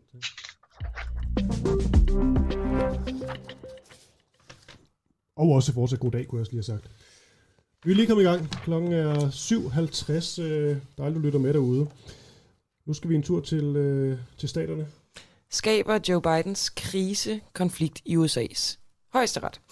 I sidste uge der meddelte en amerikansk højesteret dommer ved navn Stephen Breyer højst usædvanligt, at han går på pension. Altså normalt så sidder de her øh, amerikanske højesteretsdommer jo ind til de ligesom ja, tager billetten. Øhm, og øh, ja, spørgsmålet er, hvorfor ham her Stephen Breyer, han går på pension. Har det noget at gøre med, øh, med Joe Biden? Eller, eller er det simpelthen af personlige årsager? Breyer, han er en af de tre tilbageværende liberale dommer, og hans øh, beslutning om at trække sig tilbage efter mere end 27 år ved den amerikanske højesteret, giver Joe Biden muligheden for at udpege en efterfølger der ligesom kan opretholde den her nuværende 6-3 opdeling mellem liberale og konservative dommer. Og øh, Niels Bjerg Poulsen, du er lektor på SDU i Center for Amerikanske Studier. Hvorfor går ham her Stephen Breyer på pension? Og godmorgen. Altså først og fremmest går Stephen Breyer på pension, fordi han er 83. Og det er jo sådan, at dommer i princippet sidder øh, på livstid. Men øh, han har været under et voldsomt pres de sidste års tid, eller sådan, fordi øh, demokraterne meget gerne vil udpege en yngre afløser, øh, mens de stadig har et spinkelt flertal i senatet. De har jo i øjeblikket så det 50-50, og så er vicepræsidenten øh, den afgørende stemme. Og frygten for demokraterne er, at de mister deres flertal ved midtvejsvalget i november, og at der så bliver udpeget endnu en meget konservativ dommer, eller de ikke kan få udpeget, øh, Joe Biden ikke kan få udpeget den dommer, han gerne vil have. Det er jo det, der skete lidt med den tidligere nu afdøde øh, dommer Ruth Bader Ginsburg, mm. som på trods af, at hun havde været syg i mange omgange, blev siddende øh, så længe. Øh, og da hun så døde bare et par uger før præsidentvalget 2020, øh, så kunne Donald Trump så udpege en en konservativ afløser for hende, så vi nu har det her øh, 6-3 flertal, kan man sige, til, til konservative dommer i højesteret. Mm. Nu sagde du her i starten, Niels Bjerg Poulsen, at øh, altså, hvorfor han går pension, så sagde du, at han er jo 83 år gammel. Men der er vi selvfølgelig også enige om, at det er jo ikke et undskyldning i den her, i den her sammenhæng, fordi man normalt vi sidder til man, til man dør. Så jeg vil gerne lige vide, hvor usædvanligt det her er, altså at den højesteretsdommer melder sin afgang øh, sådan her. Ej, men det er ikke så, så usædvanligt. Altså, det er jo ikke sådan, at højstretsdommer skal sidde til de, de dør. De er ikke tidsbegrænset, øh, i, i, det er ikke en tidsbegrænset stilling, men det er meget almindeligt, at dommer trækker sig også yngre end, end 83. Og, øh, og man kan sige, at presset har bare været særligt, fordi der er sket nogle ting i højstret de sidste par år. Jeg har omtalt Ruth Bader Ginsburg som øh, et bare en uge før øh, øh, præsidentvalget blev afløst af en Trump-udnævnt øh, højstretsdommer. Øh, men øh, inden da var det øh, en konservativ dommer, Antonin Scalia, som døde, mens, øh, mens øh, Barack Obama var præsident. Og han skulle så udpege en ny, og det nægtede øh, øh det republikanske flertal eller deres leder, Mitch McConnell, at gøre. Han sagde, at det er valgår, så kan vi ikke udpege en, en ny højstrætsdommer. Det er ligegyldigt, hvem det er.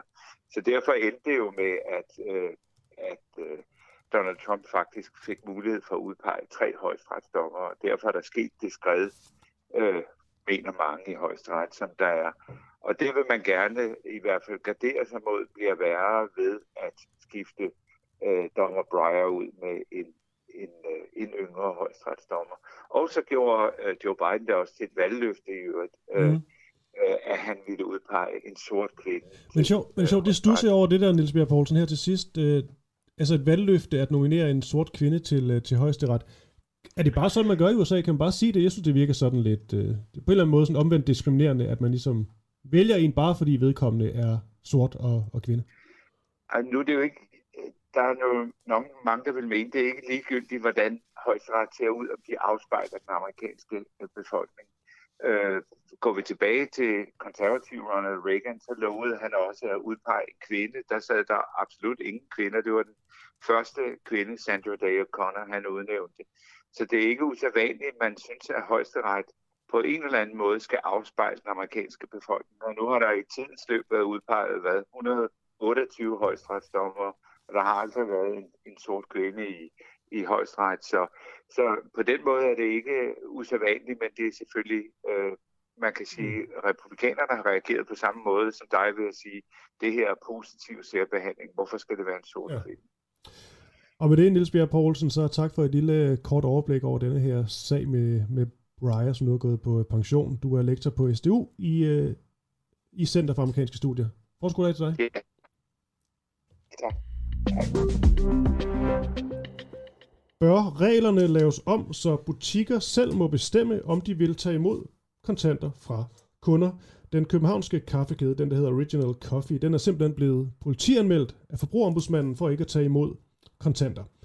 Kædens egen begrundelse er, at caféerne ikke havde byttepenge, fordi man øh, blandt andet ikke gad have byttepenge liggende i kassen på grund af mulighed for indbrud, men også fordi alt det her med corona, altså smitte og så videre.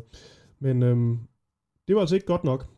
Og de øh, forbrugsmænd fik altså meldt dem til, øh, til politiet, og det skete selvfølgelig øh, ikke på, man kan sige, forbrugerombudsmandens eget initiativ, men på en øh, række klager fra, øh, fra kunder. Og om et kort øjeblik, der har jeg forbrugerombudsmanden med. Det er Christina Toftegård Nielsen. Og man kan sige, at Christina kan jo ikke gå ind i sådan en større diskussion af denne her kontant regel, men til gengæld så øh, kan Christina som forbrugerombudsmand lige forklare os, hvorfor der kom de her, øh, denne her, undskyld, den her aktuelle sag, anmeldelse, altså hvor meget skal der ligesom til for, at man, øh, man laver sådan en politianmeldelse som øh, forbrugerombudsmand, og selvfølgelig også, hvad de her klager gik ud på. Jeg tænker at starte der. Christina Toftegård Nielsen, forbrugerombudsmand. Hvad gik de her klager ud på? Og godmorgen. Godmorgen. Klagerne gik ud på, at øh, forbrugere blev afvist, øh, når de ville betale med kontanter. Altså fik at vide, at øh, de ikke kunne betale kontant. Hvor mange taler vi om? Øh, hvis hvis øh, dit spørgsmål øh, drejer sig om original coffee, ja. øh, så, så tør jeg ikke sige det, det nøjagtige antal. Øh, altså det, det, det ved jeg ikke. Men, øh, men, men klager, nogle klager øh, løbende igennem 2021 i hvert fald. Vi fik formentlig også nogle stykker i 2020. Jeg tænker bare, at der er vel også en forskel i, hvor stor volumen af klager er. Altså taler vi 2, 3, 10 eller 200. Kan du ikke sådan prøve at bare komme det lidt nærmere? Åh, oh, jeg vil tro, vi har fået, øh, vi har fået et sted mellem, mellem 5 og 15 klager, vil jeg tro, over Original Coffee. Og det er, simpelthen, og det er nok til en politianmeldelse? Ja. For, ja, okay. Hvad Nej, altså, Nej. vi har jo først givet Original Coffee en, øh, en indskærpelse, som vi kalder det. Ja øh, altså gjort dem opmærksom på, at, at vi har modtaget klager, og, og øh, kontantreglen, ifølge kontantreglen er man forpligtet til at tage imod kontanter i dagtimerne. Øh, det gjorde vi i sommer, altså sommeren 2021, øh, og da vi så fortsat modtager klager, øh, og da Original Coffee ikke meddeler, at de agter at tage kontanter, så skriver vi til politianmeldelse. Hvad er for dig som forbrugerombudsmand øh, argumentet for, at øh, staten skal bestemme, hvorvidt et privat firma skal tage imod kontant eller ej? Der er jeg i den situation, at jeg håndhæver loven. Uh, så jeg, uh, jeg vedtager den jo ikke, men håndhæver den. Mm. Uh, og det vil sige, at jeg uh, har ikke brug for en begrundelse som sådan for at håndhæve den. Uh, den lov, der er og gælder, den skal man efterleve. Øh, men øh, men øh, det fremgår af lovforarbejderne blandt andet, hvad, altså hvorfor man har en kontantregel. Øh, og, og øh, det som kontantreglen beskytter, det er jo de forbrugere, som ønsker at betale med kontanter, øh, de har ret til at betale med konstanter. Der okay. er jo nogle, ja. der er jo nogle øh, som, som ikke har en mulighed at betale kontant. Det er jo langt fra alle børn, der har et betalingskort for eksempel. Og det er jo praktisk, at de fortsat kan købe en is på egen hånd. Og nu bare nævne et eksempel. Mm. Der er også andre borgere i samfundet, der ikke anvender betalingskort. Okay, Christina Toftegård Nielsen fra Brorombudsmand. Det er jo egentlig bare lige for, øh, for, for lige at høre din uh, årsagen til, at man ligesom politianmelder Original Coffee. Og jeg tror, vi går lidt videre med, med denne her sag. Men jeg vil bare lige sige uh, tak for din tid, og fortsat god dag. Du er velkommen, og i lige måde. Tak. Og nu har øh, min gode kollega Camilla Boracchi stillet sig øh, over for mig, hvis man ikke kan se det, og det er fordi, hun er ved at ringe... Hvem er det, vi ringer op? Henning Hyllested. Henning Hyllested fra Enhedslisten, som vi også talte med i går, hvor han faktisk sagde til os sådan ret klart, at han regnede ikke med, at Ben Engelbrecht ville blive væltet. Han ville heller ikke give os nogen store overskrifter. Øhm, men nu er vi så i en situation, hvor Benny Engelbrecht blev væltet som transportminister grundet enhedslisten primært. Og øh, vi har lige fået ham på nu, Henning Hylsted, så øh, det bliver interview fra hoften her, og vi håber, han tager telefonen også. Og jeg har lovet Henning, at det kun bliver fem minutter. Han er på vej til et møde. Skal I tage den først? Det er rigtigt. Og det er selvfølgelig et nyt nummer, der ringer, og jeg har... Henning Hyllested. Goddag Henning Hyllested, det er Camilla Boracchi og Christoffer Lind fra Den Uafhængige. Tak fordi du lige havde tid til at snakke om, at du øh, vælter simpelthen en minister i går. Øh, ja, jeg vælter ikke nogen. Nej, han trækker sig selvfølgelig selv. I har udtrykt ja. mistillid. Hvorfor, øh, hvordan kan det være, at I endte der?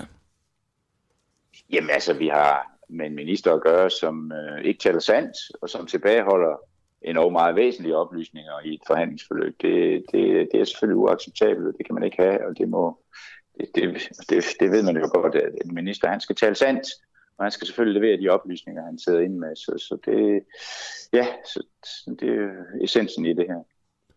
Det vi talte sammen i, øh, i forgårs, tror jeg faktisk, det var Henning Hyllested, der vil ja. du ikke, for det første ikke give os nogen uh, tabloide overskrifter, men du lød også, det lød også på dig, som om nu skulle lige læse det hele igennem, og din vurdering var sådan umiddelbart ikke, at han kom til at blive uh, væltet eller skulle gå på grund af det her. Hvad var det, du læste særligt, som gjorde, at uh, I tog den her be- beslutning i enhedslisten? Nej, altså udtalelserne i tirsdags, det skulle jo opfattes som om, at vi jo ikke på det tidspunkt, der stod vi jo også over for at skulle til en række møder. Vi stod over for samrådet i går. Øh, der går vi jo ikke sådan ud på forhånd og lægger os fast på, hvad vi vil, så det er sådan, det skulle forstås. Det, det, det, det er jo meget, det er jo helt klassisk i sådan en situation, der optrapper man jo ikke en, en konflikt øh, på forhånd, eller på forhånd lægger os fast på, hvad det var, så vi, så der, vi skulle læse øh, materialet igennem for, for at se, om, om, om, om, om det holdt vand, det som ingeniøren havde skrevet. Det måtte vi bare konstatere, at, øh, at det gjorde det. Øh, den var god nok, og vi kunne jo sammenholde det med vores egne hvad skal man sige, dokumenter fra forhandlingsforløbet. Vi har jo eksplicit spurgt fra start i den der forhandlingsproces, har vi spurgt efter tallene for udledning af CO2 fra anlæg af de her mange øh, infrastrukturprojekter. Og vi bare konstaterer, at vi fik, at vide, vi fik nogle svar, også nogle skriftlige svar, hvor han ikke nævner med et ord, han ligger inde med nogle tal, øh, og ikke vil udlevere dem. Så det, det, det, det er for os klart nok, at han har ikke vil øh, levere de her oplysninger, og han har endda fortalt os, at han ikke havde dem, eller ikke bare os, der, vi har ikke mindre end to ordfører henholdsvis fra Venstre og SF, som siger, at han har direkte løjet for dem. Altså, det var jo en rimelig, kan man sige, ydmyg Benny Engelbrecht, som, som altså tæt på lagde sig fladt ned til det her samråd. Hvorfor var det ikke nok, at han ligesom godt selv kan se, at, det er, at han har begået nogle, øh, nogle fodfejl i det her forløb? Nej, altså vi har jo ikke dobbelte standarder her. Altså hvis en minister han ikke taler sandt over for Folketinget, og ikke leverer de oplysninger, som han sidder inde med, og tværtimod påstår, at dem har han ikke, øh, så er det efter vores mening alvorligt for en minister. Og havde det været en blå minister, så havde vi været helt op og køre over det. Og der, der er der ingen forskel for os, selvom det er en minister fra Rød Blok. Så, så vi synes, at sagen under alle omstændigheder er alvorlig nok til, at øh, vi ikke kan have tillid til ham. Øh, det skal være, når man forhandler sådan en kæmpe stor aftale, som det i øvrigt var, øh, så er det nødvendigt, at der er den tillid i, i, i forhandlingsrummet, at vi, vi rent faktisk får de her oplysninger. Vi tror på, at de oplysninger, hvis han havde givet dem, vi tror på, at de kunne have ændret forhandlingsforløbet, for det var helt tydeligt, at regeringen havde et ønske om, at den der aftale, den skulle præsenteres som en grøn aftale. Det blev den også præsenteret som. Sandheden er jo, at den er kul, kul sort som i kulsort. Er regeringen øh, rasende på enhedslisten nu? Hvad, hvad er det en gang til? Jeg spurgte bare, om regeringen er rasende på, på dig og enhedslisten nu? Det ved jeg ikke. Altså, vi har ikke, øh, vi har peget på, at der er en minister, som vi ikke har tillid til. Øh, hvad regeringen så i øvrigt gør, om de bliver rasende eller begiver sig ud i hævntogter, det kan vi jo ikke, øh, det kan vi jo ikke vide, eller det kan vi jo heller ikke øh, forholde os til. Så vi har ikke noget ændret forhold til regeringen i øvrigt. Din sidste ting, øh, Henning Hylsted, skal nok uh, slippe dig. Der er jo sådan en, en ny sag nu med skatminister Morten Bødskov, som lige ramte i går fra Information og egentlig også DR's Detektor, uh, ja. hvor regeringen længere sagt, der ikke fandtes tal på, hvor meget CO2 de danske plug-in hybridbiler udleder, men det viser ja. så, at der rent faktisk var nogle tal. Har du en umiddelbar kommentar til, til den historie? Fordi den minder jo umiddelbart rigtig meget om den her Benjamin-sag.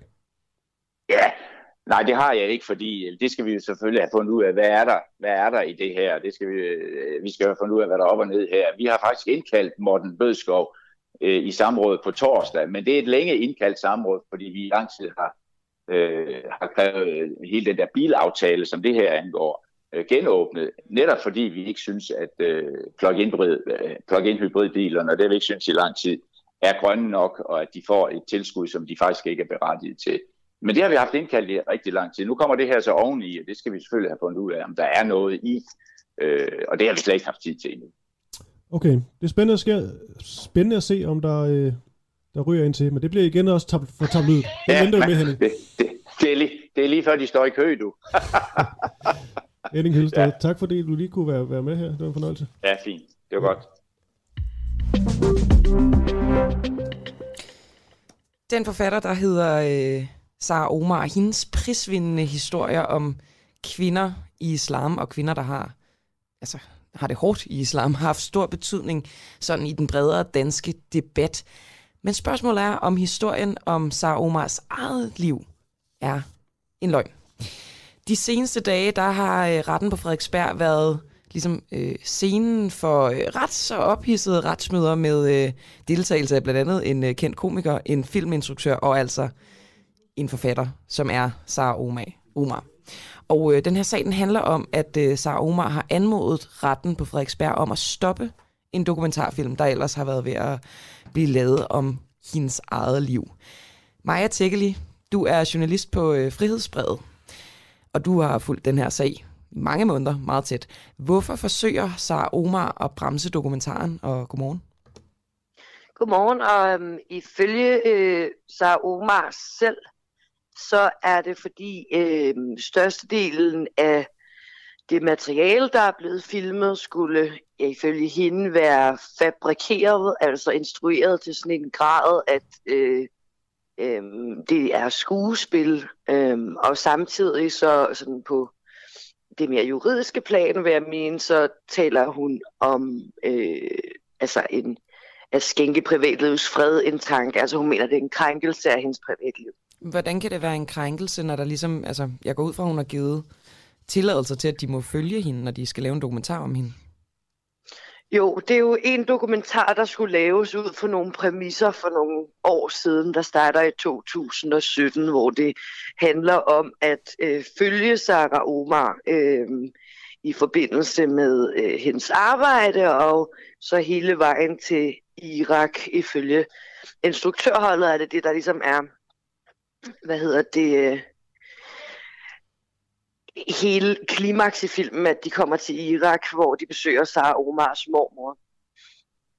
Men det er jo en lidt anden film, end den, der skal til at blive lavet nu. Mm. Så jeg vil gå ud fra, at det er det, hun mener. Altså, okay. der kan ske en krænkelse af privatlivets fred, fordi det er uden for nogle præmisser, som hun kender til. Ikke? Og fordi at det, der bliver lagt frem nu som et, et nyt dokumentarprojekt, er altså et, hvor øh, store dele af den fortælling, hun har, øh, hun og politikens forlag for så vidt, har fortalt, øh, skulle der sås tvivl ved, ikke? Kan du, kan du blive lidt konkret på, hvad det er, der bliver sået tvivlet? Hvad er det, Sara Omar har fortalt om Jeg sit har jo ikke liv? set filmen. Nej. Men, men det, jeg kan fortælle, øh, det er, at øh, altså, jeg har jo i de artikler, vi har beskrevet i frihedsbrevet, fået adgang til noget af materialet, inden det var beslaglagt. Og øh, øh, der øh, ser man en Sarah Omar, der ikke har øh, vagter omkring sig hele tiden. Og hun har jo sagt før i tiden, at hun er under konstant politibeskyttelse. Nogle gange har hun da stået PT-beskyttelse. Og det er en af de ting, som instruktøren og produceren mener, at det vil man få et helt andet øh, billede af der. Øhm, så skulle der øh, være øh, øh, god grund til ikke eller til at hvad kan man sige, tvivle på historien om, øh, at øh, Sarah Omar, som hun har sagt op til flere gange, både til oplæg og i medierne, er mor til en dræbt datter. Øhm, så skulle der blive så tvivl om, hvordan hendes baggrund har været. Øhm, og, og, og, og det er mange forskellige ting, men det er noget, altså der er svært baggrund med sige. vold blandt andet? Øh, ja, det vil jeg gå ud fra. Altså, hun har aldrig rigtig sagt, at hun på den måde er blevet udsat for vold offentligt. Og jeg jeg har lige et spørgsmål i forhold til denne her øh, retssag, og hvordan så Omar står. Fordi jeg tænker bare sådan umiddelbart, en øh, instruktør laver en, øh, en film, har så sin egen udlægning af denne her historie. Altså hun ikke levede under politibeskyttelse og slet ikke var så troet, som hun havde fortalt ved flere lejligheder. Han har vel, han har vel kreativ øh, frihed. Altså jeg tænker bare, hvad er hendes gode argument for at køre en sag på det her? Jamen, det der øh, så er, øh, hvad kan man sige, hele tvisten lige nu, det er, at øh, i, i forhold til, hvem det er, der har, øh, hvem der ejer det materiale, der er blevet filmet. Ja. På den ene side har man instruktøren og produceren, der mener, det er dem, fordi de både har underskrevet kontrakter dengang i 2017, men også fordi det er ham, der nu mener at øh, have rettighederne og dermed kan overdrage i 2020, januar 2020, materialet til Sar Omar. Han træder ud ifølge, det er lidt kompliceret, så jeg må lige spørge, ham, der har overdraget materialet i en erklæring til sig Omar i januar 2020, der hedder Rasidu Fuktas, som er en del af selskabet. Han skulle være trådt ud af selskabet. Og der er der en mail, som, som jeg faktisk også har set, hvor han gør. Men alligevel, efter projektet er lagt ned, skriver han på vegne af firmaet en erklæring, hvor han overdrager materialet til Sarah Omar med livsvarende øh, kraft. Mm. Og det er jo så det, hele diskussionen går ud på øh, nu. Hvem har overhovedet rettighederne til det, og kan Rasidu Fuktas udskrive en erklæring efter, han siger, at han er trådt ud af firmaet? Det kan han måske, fordi han står stadig registreret som ejer af firmaet øh, på, øh, hvad hedder det, i Erhvervsstyrelsens register. Men øhm, der, der, der, det, det, der er en ret ophedet diskussion om, lad mig sige det på den måde. Ja. Det er det jo selvfølgelig øh, spektakulært også, fordi vi får lidt øh, gang i en dansk øh, retssal. Men alligevel, Maja Tækkeli, nu har jeg skrevet en del om det på, øh, på, på, på frihedsbrevet, øh, set det tæt på. Ikke? Hvis man ikke lige kender Sara Omar eller nogle af de øh, andre involverede, så mange i vores lille medieboble sikkert godt kender, hvorfor er det her så en vigtig historie, synes du? Øhm, jeg er ret sikker på, at der er mange, der kender sig Omars stødvasker, hendes debutbog, og måske mm. også den næste. Der er i hvert fald øh, for sine solgt over 100.000 eksemplarer. Det har været enormt meget i medierne, og øh, det er været så både de, de traditionelle medier, men også forskellige partimedier. Øhm, de historier, som Omar har fortalt om øh, sig selv, øh, og hendes liv har haft en indvirkning på den måde, vi taler om integration i Danmark. Mm. Øhm, og samtidig så har, tror jeg, at hvis man fjerner sig lidt fra, fra det, fordi det er jo trods alt ikke hendes bøger, det handler om, men mere hende selv nu, øhm, så synes jeg også, at det er principielt interessant at se på øh, en retssag, der handler om et fodforbud på en dokumentar, der ikke er blevet lavet færdig endnu. Ikke?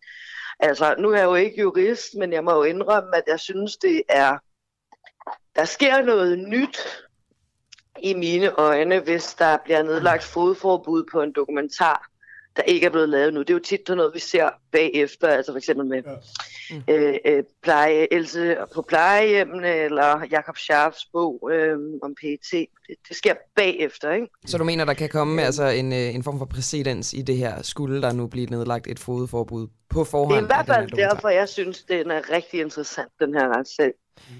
Tak for det, Maja Tækkeli, journalist på øh, mediet Frihedsbredet, og som altså både har og vil, gå ud fra at dække den her øh, retssag med Sarah Omar tæt. Det kan du tro, jeg vil. Goddag, Maja. Hej, hej.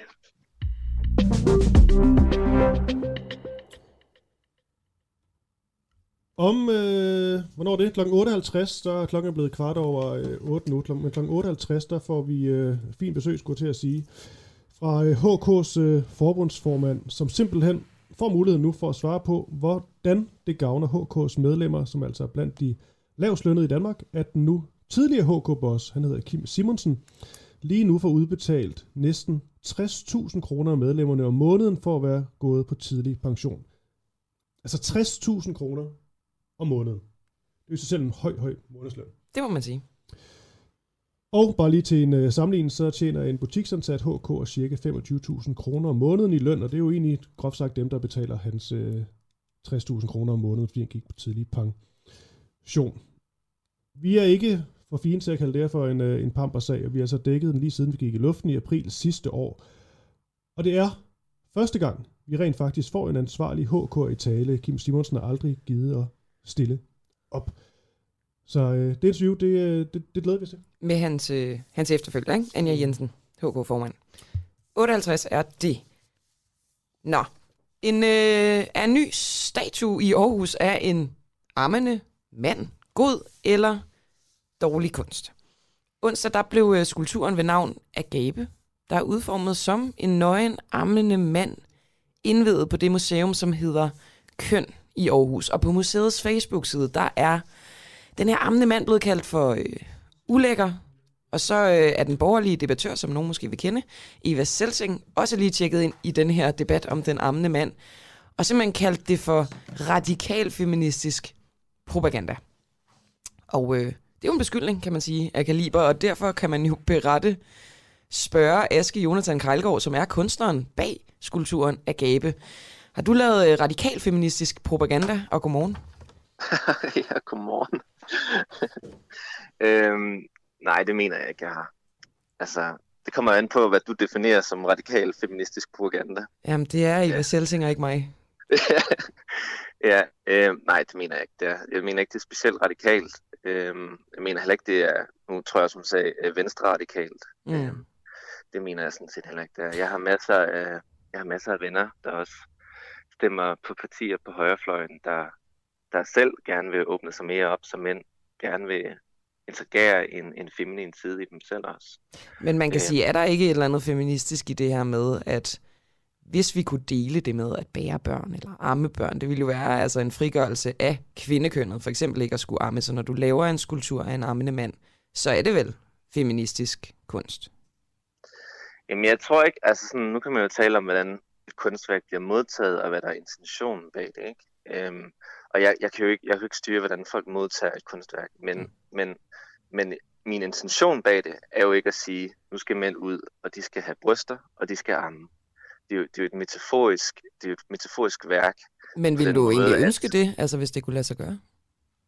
Mm, nej, udenbart ikke, tror jeg. Nej. Altså sådan, men, men fint, fint, hvis det kunne. Altså jeg ved ikke, jeg ved ikke hvad der sker om tusind år. Du når ville vi ikke ønske, vi kunne dele den? den? Altså dele arme? Ja. Det, det, det, er, det, er ikke, det er ikke et udgangspunkt, jeg sådan på den måde har, har tænkt på. Altså jeg tror, det, jeg, tror, altså, jeg tror, det er meget vigtigt lige at tænke på, at, at kunst, poesi osv., det, det, er ikke, det er ikke en direkte læsning. Altså, når bryster, når bryster sidder heroppe, så sidder det jo omkring de organer, der for eksempel hedder hjerte og lunger, ikke? Øhm, det er kærlighed. Det er, det er et værk, der er blevet lavet med kærlighed. Med tanke på en mand, som igennem de sidste mange tusind år ikke har fået lov til at, til at udtrykke sin feminitet. Jeg mener jo grundlæggende, at vi har en maskulin side, som jeg synes, vi stadigvæk skal have og stadigvæk skal dyrke. At vi har en feminin side. Men den feminin side i, i de fleste mænd har bare været lukket ned. Og feminitet betyder jo sin grundlæggende altså sådan form jo at være åben. Og hvis man ikke kan være åben med livet, så kan man jo heller ikke tage livet ind. Og man kan heller ikke give man kan ikke give kærlighed. Nu hedder den jo agape, ikke? Mm. Og agape, det betyder, øhm, det betyder ubegrænset kærlighed på oldgræsk. Og man taler ofte om agape, og så eros, ikke? Altså en nedadgående kærlighed og en opadgående. Og eros, det er jo, det kender vi jo ofte igennem os ordet erotik, ikke?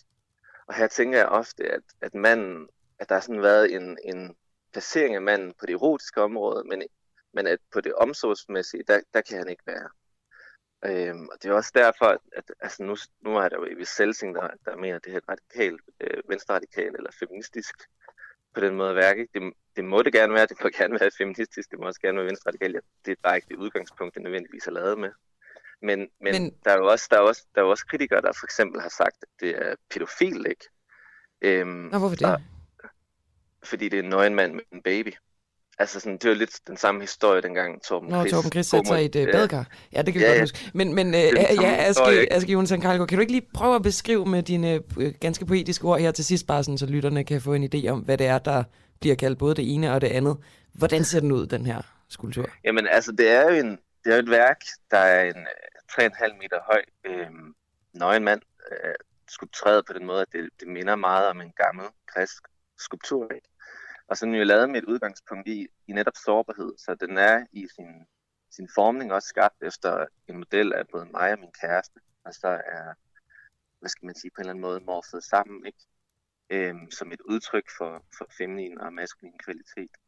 Men jeg tror, også, jeg tror faktisk lige, det er vigtigt at sige her, at nu er, nu er der blevet talt meget i medierne om kritik og så videre, men jeg har jo jeg har fået rigtig, rigtig mange beskeder fra både mænd og kvinder. Mænd, der fortæller, hvordan 37-årige mænd, der fortæller, hvordan de gennem hele deres liv har været lukket nede og ikke har ture og udtrykt deres femininitet. Ikke? Og kvinder, der fortæller om, hvordan deres mænd, der har de var syge, da børnene var små, har taget sig af deres børn og sådan noget.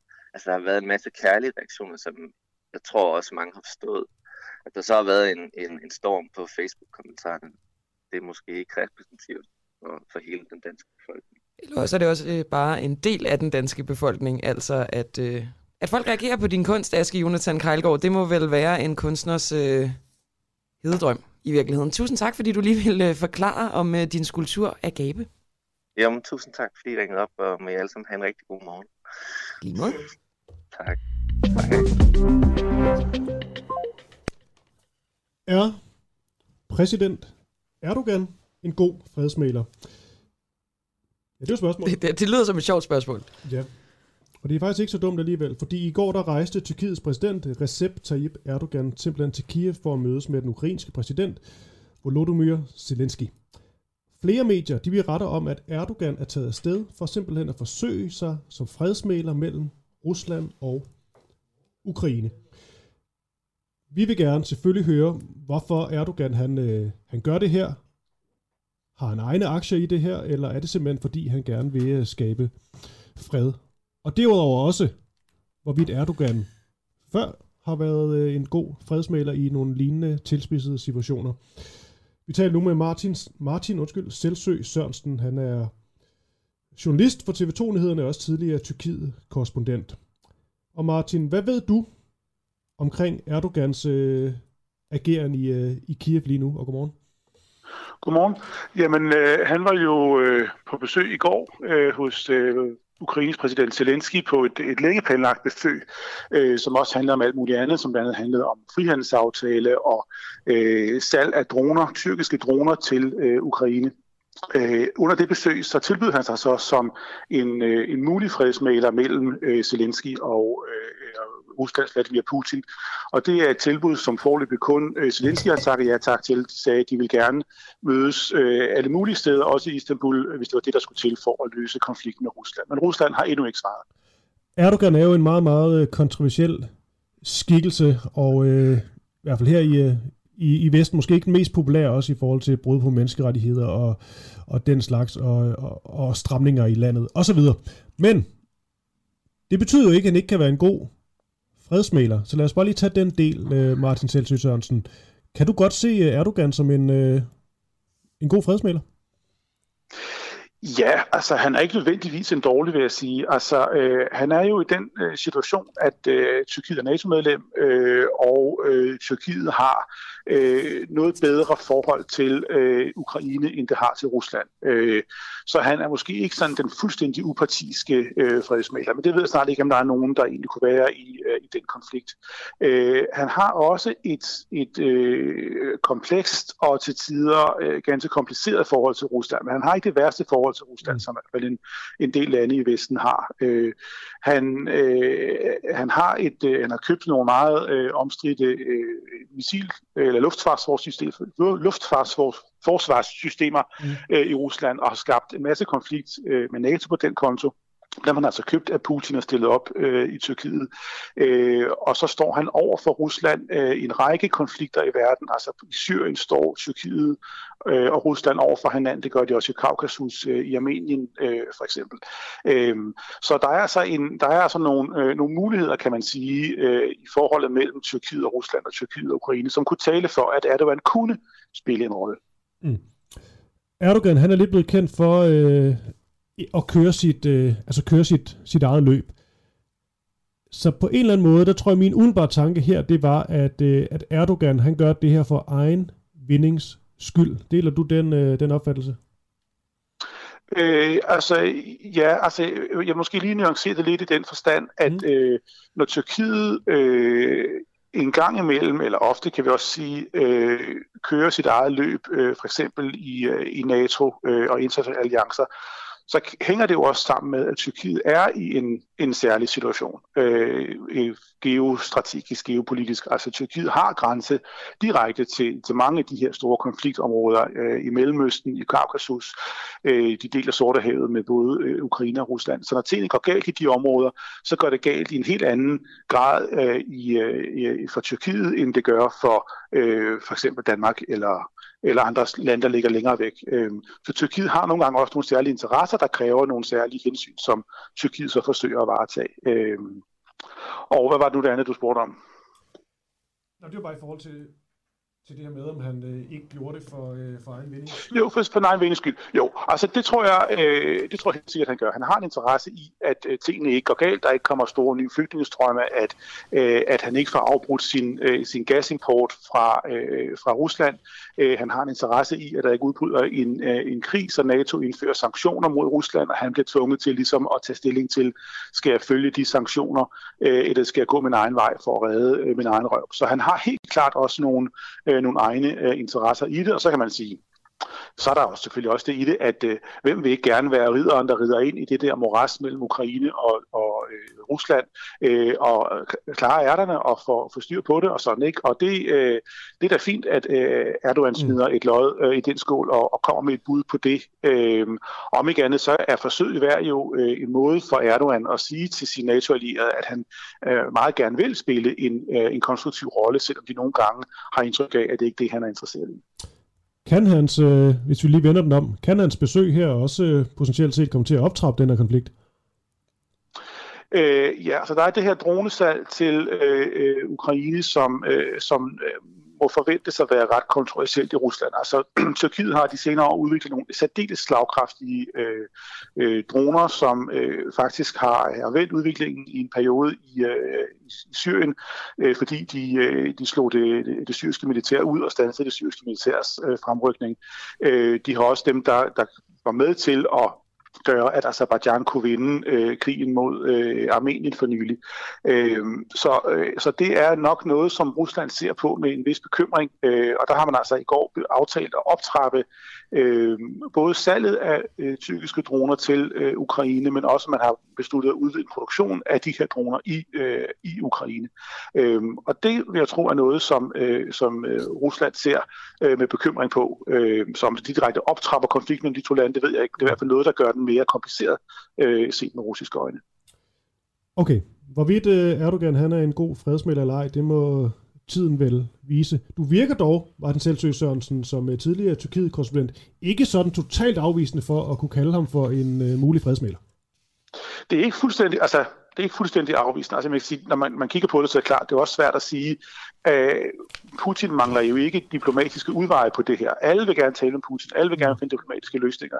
Øhm, så hvad det lige er, at Erdogan skulle kunne tilbyde, øh, er svært at sige sådan helt konkret, men han har en profil, som ikke er sådan fuldstændig skæv øh, i det her spil, selvom at han, øh, at han øh, måske kan være det i, øh, i andre sammenhænge. Altså Erdogan har tidligere også budt sig til som fredsmæler mellem øh, Syrien og Israel, øh, for eksempel, og øh, har, har nyt godt af ligesom at være en, som, som, som øh, øh er hjemmevand, kan man sige, øh, i begge lejre. Altså han har ligesom det, der er Tyrkiets øh, fordel i mange sammenhænge, er, at det har ligesom en, en fod både øh, nede omkring øh, det mellemøstlige og øh, har en fod øh, i NATO og, og europæiske institutioner, altså ikke EU, men, men OSCE og andre ting.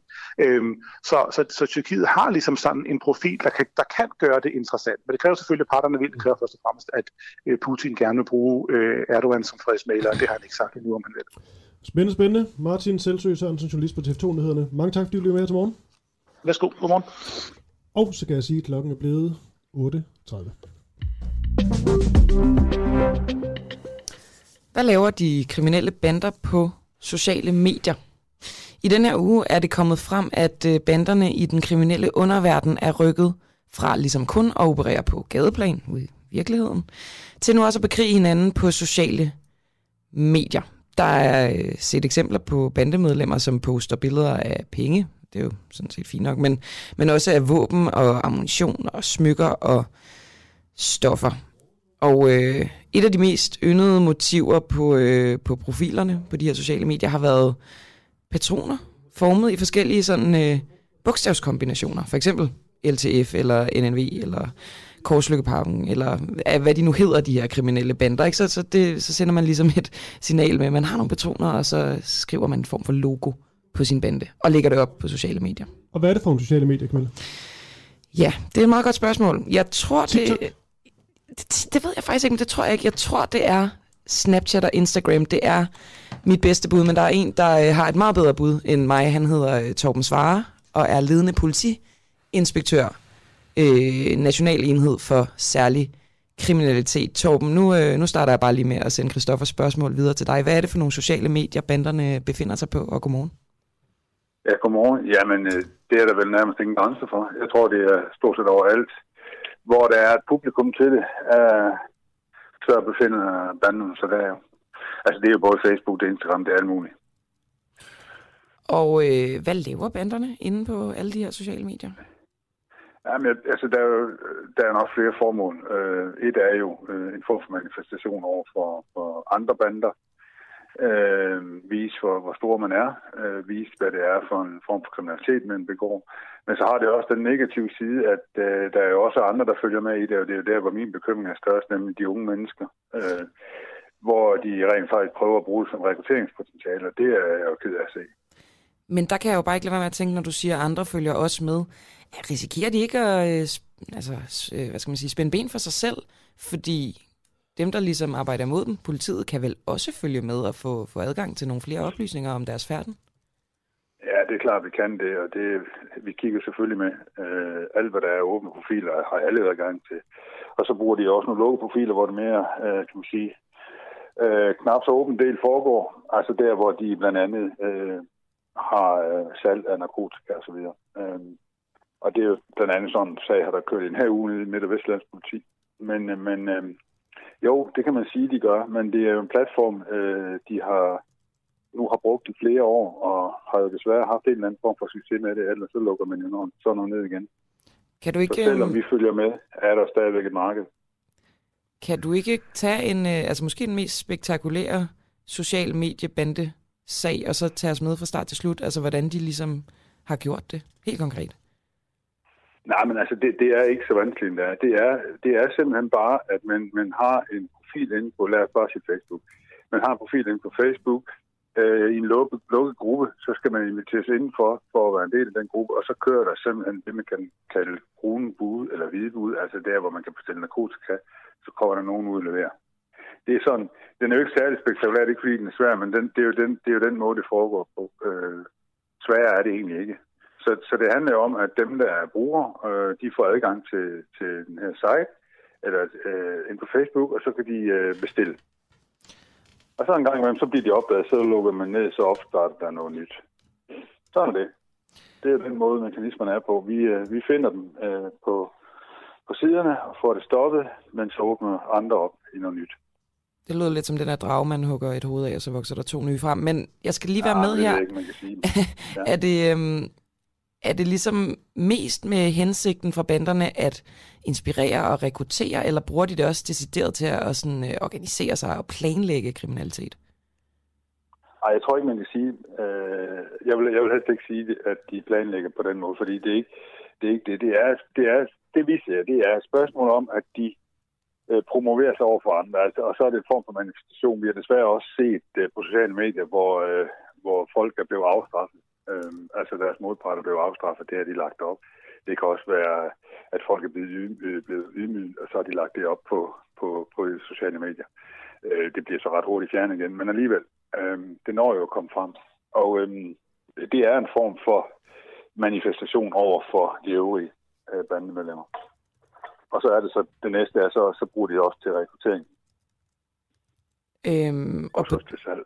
Ja, ja, og selv siger du, er det på den måde blevet, blevet sværere for jer at bekæmpe banderne med det her øh, SoMe-indtog?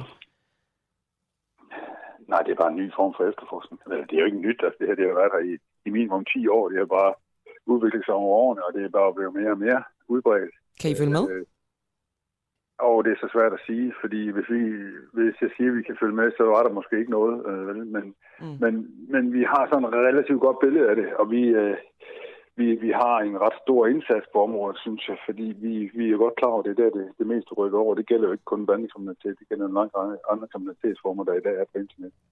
Og ikke kun sociale medier, men alt muligt andet. Ikke?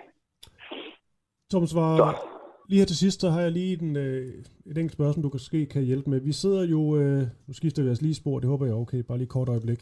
Vi sidder jo og fokuserer meget her på Nuafhængig på de her 48.000 uløste sager om IT-kriminalitet.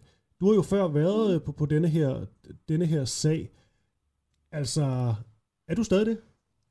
Ja. Altså det, det vi kalder, førhen kaldt LSIG, og nu i dag NSIG under NSK, det ligger jo også under mig sådan set. Så ja, det har jeg selvfølgelig indsigt i. Okay. Kan du fortælle noget, øh, noget nyt? Ja, altså, men det er jo en stor en at komme ind på, fordi vi har mange, der udtaler sig i den sag, og vi har jo også, øh, altså vores sætningsdirektør Jesper Kragt har jo også været fremme her og udtalt sig om den i flere meter for nylig. Så det spørgsmål er, hvor, hvor, hvad er det, du gerne vil vide med det? Er det de der 48.000 sager, som bliver ved med at florere, at, at, øh, at ja. de ligger uløste? Fordi, okay, lige nu er det sådan, og det er sådan lige, nu er det svært, for det er jo ikke en del af den aftale her, men jeg, jeg mener, at vi har cirka 21.000 sager tilbage i NSIG. Øh, ud af de 48.000 sager, som har været øh, på talen. De 48.000 sager, øh, der er så øh, en kæmpe del af dem er sendt ud i politikredsen til, for, til videre efterforskning, og, og så er der så en lang række andre, som er blevet henlagt. Øhm, så de er ikke blevet opklaret, de er ligesom blevet fordelt? Ja, altså nogle af dem er jo blevet opklaret undervejs ude i politikredsen. Det er jo ikke NSIG, der opklarer sagen. NSIG laver det, vi kalder en, en indledende efterforskning. Det, der har været problemet, har jo været, at vi ikke har, har haft øh, nok kapacitet til at kunne lave den indledende efterforskning. Mm. Og det vil sige, at vi har bygget bunke op. Det, det er vi jo nødt til som dansk politi at gå noget ved. Og derfor laver vi jo en aftale med politikredsen. Øh, på tværs af landet er vi jo nødt til at sende en lang række sager ud, som vi simpelthen ikke har nået at gennemgå i en indledende efterforskning, men kun var blevet registreret. Har politikredsen kapacitet? Nej, det er klart. Altså, det kommer jo oven i alt andet også. Ikke? Det, er jo, det indgår jo i deres daglige prioritering, at øh, øh, hvad, hvad for nogle sager kommer først. Så hvor mange sager af de der øh, 48.000, eller nu er det så cirka øh, 65.000, der måske er sendt ud, ikke? Øh, hvor mange af dem øh, er reelt henlagt inden? Det er, en, det er en stor del af det, og så er der nogle af dem, som jo også vil blive henlagt uden politikreds, fordi der rent faktisk ikke er spor at gå videre med. Og så er der nogen, der vil selvfølgelig blive opklaret ved, at der er nogen, der er besigtet. Hvor mange der er det, det har simpelthen ikke indsigt i. Er, er din vurdering sådan umiddelbart, at der øh, ud af de her 48.000 uløste sager, at der er mange af dem, som bliver afskrevet, eller i hvert fald ikke bliver, bliver opklaret? Øh, cirka halvt. Ja, nu skal jeg prøve at sige. Hvis vi tager øhm, ud i, i det her sammenhæng, som er langt den største del af de sager, dansk politi øh, bliver ramt af omkring økonomisk kriminalitet på, på internettet. Det er cirka 13.000 sager om året. Der, øhm, ish, altså det er sådan lige omkring, der vil halvdelen, der vil cirka halvdelen være helt enkeltstående sager, som typisk vil blive afskrevet. Øh, det, er, det er ganske små beløb, vi taler om, og så er det sådan, at bevismæssigt skal der helst være flere sammenhæng i sådan nogle bedragerisager, for ellers så kan du ikke statuere, at der er begået bedrageri. Nu kommer vi over i noget juridisk, øh, som er lidt specielt, men, men, men sådan hænger det typisk sammen, at i en enkeltstående sag er det altid sværere at bevise forsæt til at begå bedrageri. Som så sige, der er nogen, der er lidt et tab, så vil det typisk være en, en uh, civilretlig sag. Men er det så noget, der foregår i serie, så er det ret enkelt at sige, jamen så ved du også, det du har gang i, det er faktisk bedrageri. Derfor kan du også stille til ansvar. Øh, og det er lidt svært for mig at komme ind på, hvor mange sager der er den slags, fordi det har jeg simpelthen ikke talt på her. Det her det er jo kommet lidt bag for mig, at vi spørger om det. Ikke fordi det gør mig noget, for jeg har jo selvfølgelig sådan rimelig indsigt i det. Mm. Men, men det, det, det er sådan en, en, en, det er en ret stor omgang at komme ind på. Ikke? Mm. Ja, altså øh, Nick Hækkerup, justitsministeren, øh, det ved vi jo, at, øh, at de er ved at lave en masse, regeringen en masse forskellige initiativer. De vil fremlægge noget her i første kvartal af, af det her år, altså hvad man gør med de 48.000 øh, uløste sager.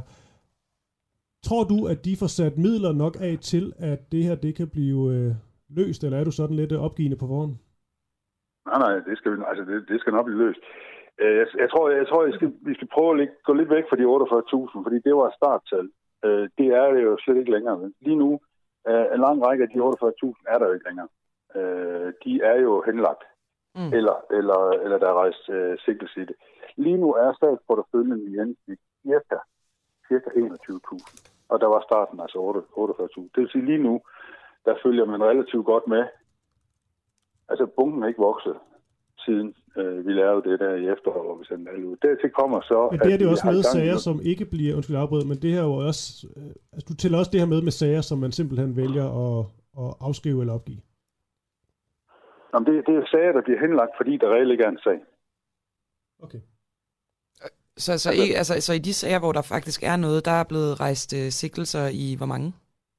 Ja, det er det, det, jeg ikke ved, fordi det er politikredsen, der rejser sigtelserne. Så jeg ved simpelthen ikke, jeg har ikke talt på, hvor mange af de uh, sager, der er sendt ud til politikredsen, der er efterfølgende at rejse sigtelser. Men Torben Svare, du tænker, at uh, det, som uh, Nick Hækkerup vil lave af initiativer, vil være nok til, at de kan få kapacitet til, at det ligesom ikke sker igen i hvert fald, at der lige pludselig ligger 48.000 uløste sager, som så ikke ligger der længere, skal vi huske at sige.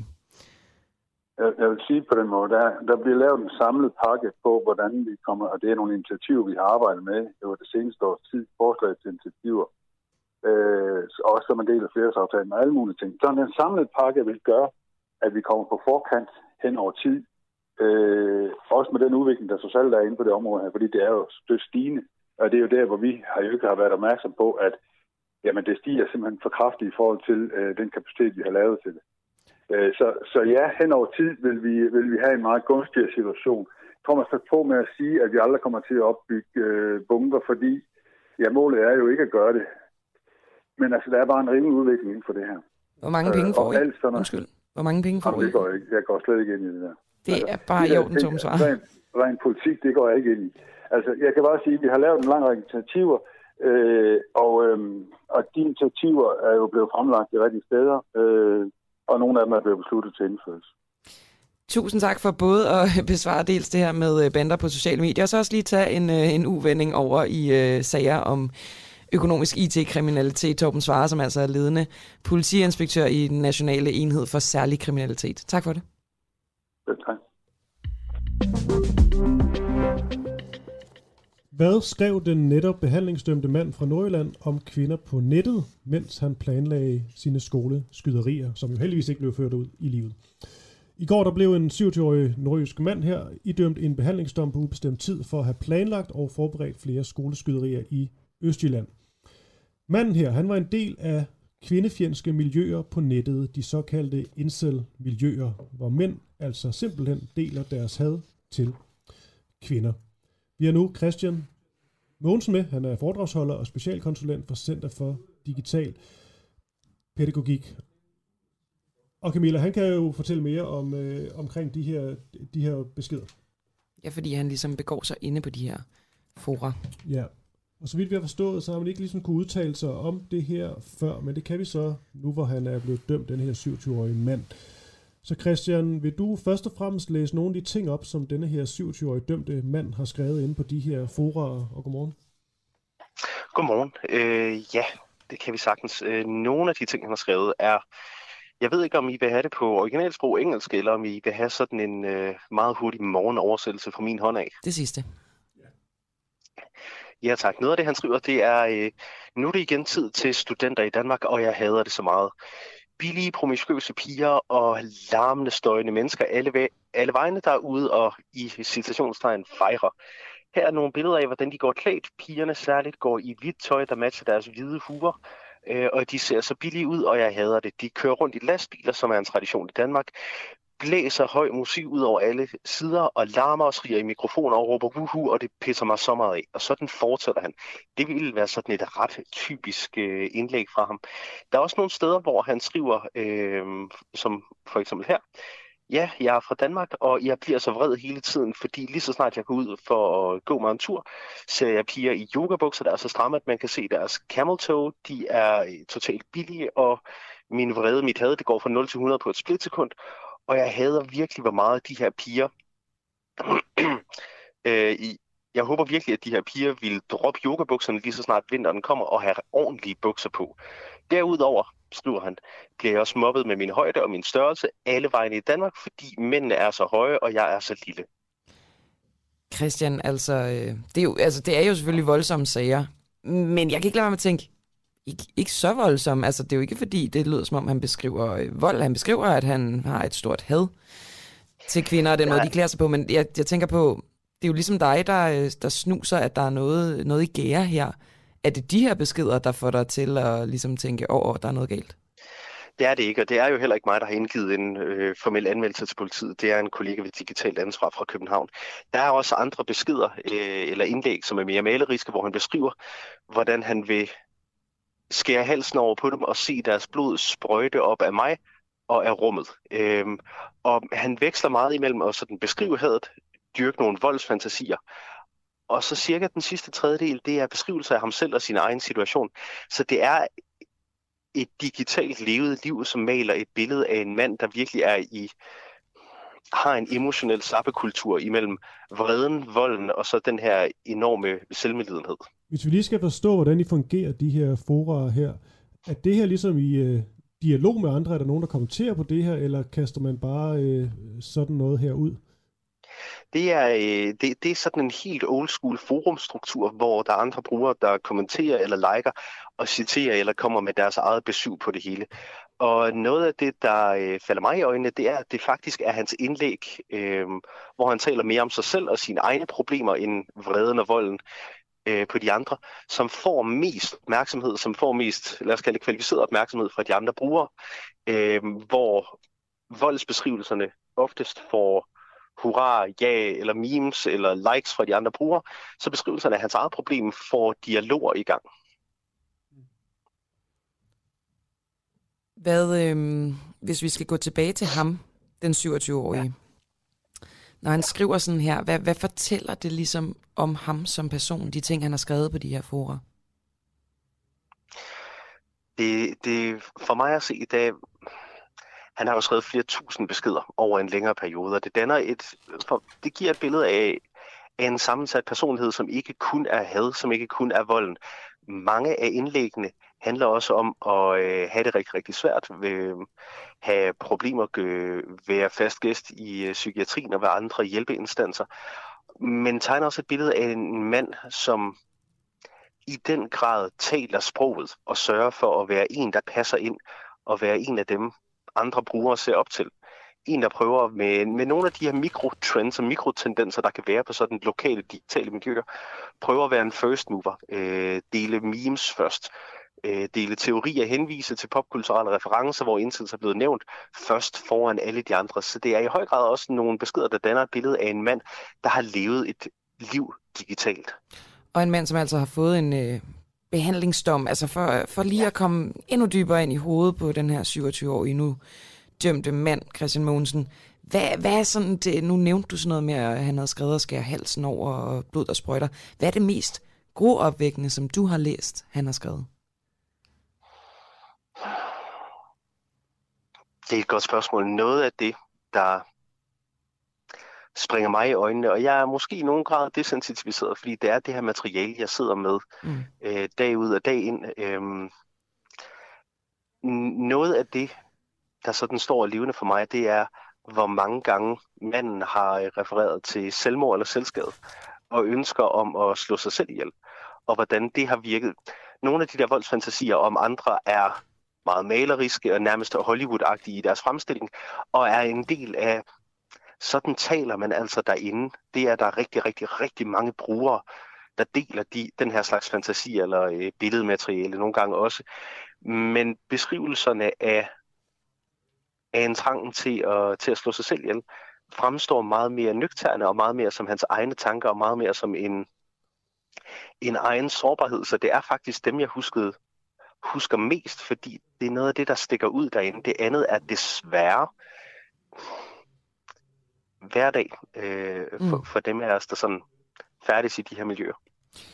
Og det er jo øh, skræmmende nok i sig selv, øh, Christian Mogensen. Tusind tak for at give os et, øh, et lidt mere øh, bredere indblik i den 27-årige nordjyske mand, som er blevet idømt den her behandlingsdom, og altså også de her øh, internet-incel-miljøer. Du er foredragsholder og specialkonsulent for Center for Digital Pædagogik. Hej, godmorgen. Lige måde. Du lytter lige nu til Den Uafhængige. Danmarks måske mest kritiske, nysgerrige og levende radio. Hvis du har en god idé til en historie, så skriv til os på Facebook eller send os en mail. Adressen finder du på hjemmesiden.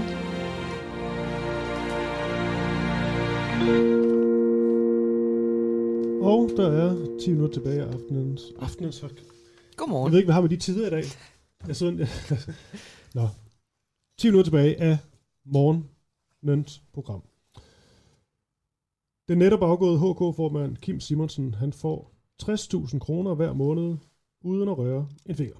Det er nemlig en del af denne her lukrative fratrædelsesordning fra øh, fagforeningen, han har takket ja til. Og her på Den Uafhængige, der har vi i over et halvt år forsøgt at øh, få et svar fra Kim Simonsen og ledelsen i HK, om hvorvidt det er fair over for HK's medlem med den her type fratagelsesordninger. Og før øh, vi siger hej til vores øh, gæst, så vil jeg lige spille et kort lille klip. Det er fra et HK-medlem og tidligere musiksansat, som den 3. maj til nu afhængig sagde følgende. Hvis det var mig, der var Kim Simonsen, så ville jeg nok have en rigtig dårlig smag i munden. Og, og med det mener jeg, at øh, jeg som HK-medlem føler mig godt og grundigt trådt på øh, i forhold til mit fagforbund, hvad de gør for medlemmerne, og det kontingent, vi betaler. Nå. Anja C. Jensen, forbundsformand i HK, tak fordi du kom. Selv tak. Lad os bare kaste os øh, lige ud i det. Synes du, at det er fair over for HK's medlemmer, at din tidligere formand, Kim Simonsen, lige nu modtager de her 60.000 kroner om måneden, uden at ja, røre en finger? Jamen altså først og fremmest vil jeg godt sige, at de her ordninger har vi jo heldigvis udfaset. Der er ikke nogen, der indgår de her ordninger mere. Øh, som set med 2022 øjne er det ikke en, en rimelig ordning, men det er en del af den pakke, samlede pakke, som Kim Simonsen han fik, da han blev valgt i 1986. Han har været tillidsmand for HK i 35 år. Vi overholder de aftaler, vi indgår. Mm. Så var det et ja eller nej til, hvorvidt det her det er fair? Jeg synes, det er fair, at vi overholder de aftaler, vi indgår. Men jeg kan godt forstå, at når man kigger på aftalen, og det har jeg også sagt før, at den så øh, med i dags øjne ikke ser rimelig ud. Derfor har vi udfaset Ja, fordi den ene ting er at se på sådan det, øh, det juridiske. Hvis vi lige ser på sådan det, det moralske. Synes du nu som forbundsformand i HK, at det er fair, at han får 60.000 kroner om måneden, uden at skulle gøre noget for det? Jamen helt jeg er ikke sikker på, at jeg køber den der præmis, at han, ikke skal gøre noget for det. Han har gjort noget for HK i mange år. Hvis han gør noget for HK, så får han ikke en krone for det. Det kommer han til. Han vil stå for eksempel til rådighed, hver gang jeg ringer. Øhm, men, men jeg synes, det er rimeligt, at vi overholder de aftaler, vi laver. Så jeg synes ikke, man kan stille det op på den måde, at det er... Man kan vel godt, jo, man kan vel godt spørge ind til, til moralen i det. Du har vel også nogle moralske og etiske kodexer, og hvad synes du i forhold til, at han får 60.000 kroner? Så, så dropper vi den der med at røre en finger eller ej. Mm. Men 60.000 kroner om måneden for at gå på pension, er det fair? Jeg synes, det er fair, at vi overholder de aftaler, vi laver. Altså, og det ved jeg ikke, hvordan jeg kan sige det mere tydeligt. At det her det er en aftale, der er lavet tilbage i 1986. Det synes jeg er fair, at vi overholder den. Men synes du så, at den aftale, I indgik dengang, den er fair? Øh, jeg tror, med 86 øjne var det formentlig øh, en god idé, fordi dengang der kunne man ikke som fagforeningsformand bagefter gå ud og få et øh, helt almindeligt job. Det ville aldrig komme til at ske.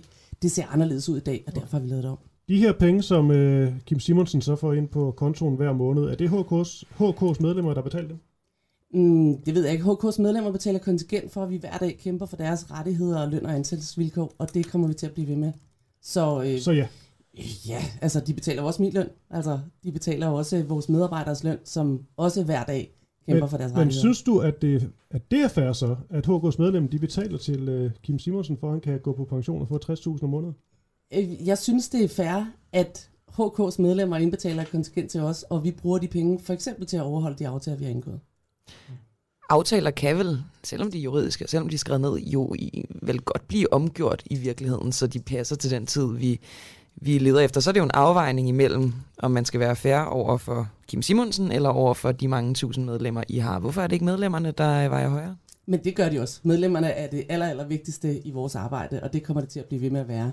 Men det er jo også sådan set også medlemmerne, der har indgået den her aftale med Kim Simonsen. Det er kongressen, der har besluttet, hvad for nogle fratrædelsesvilkår han skulle have.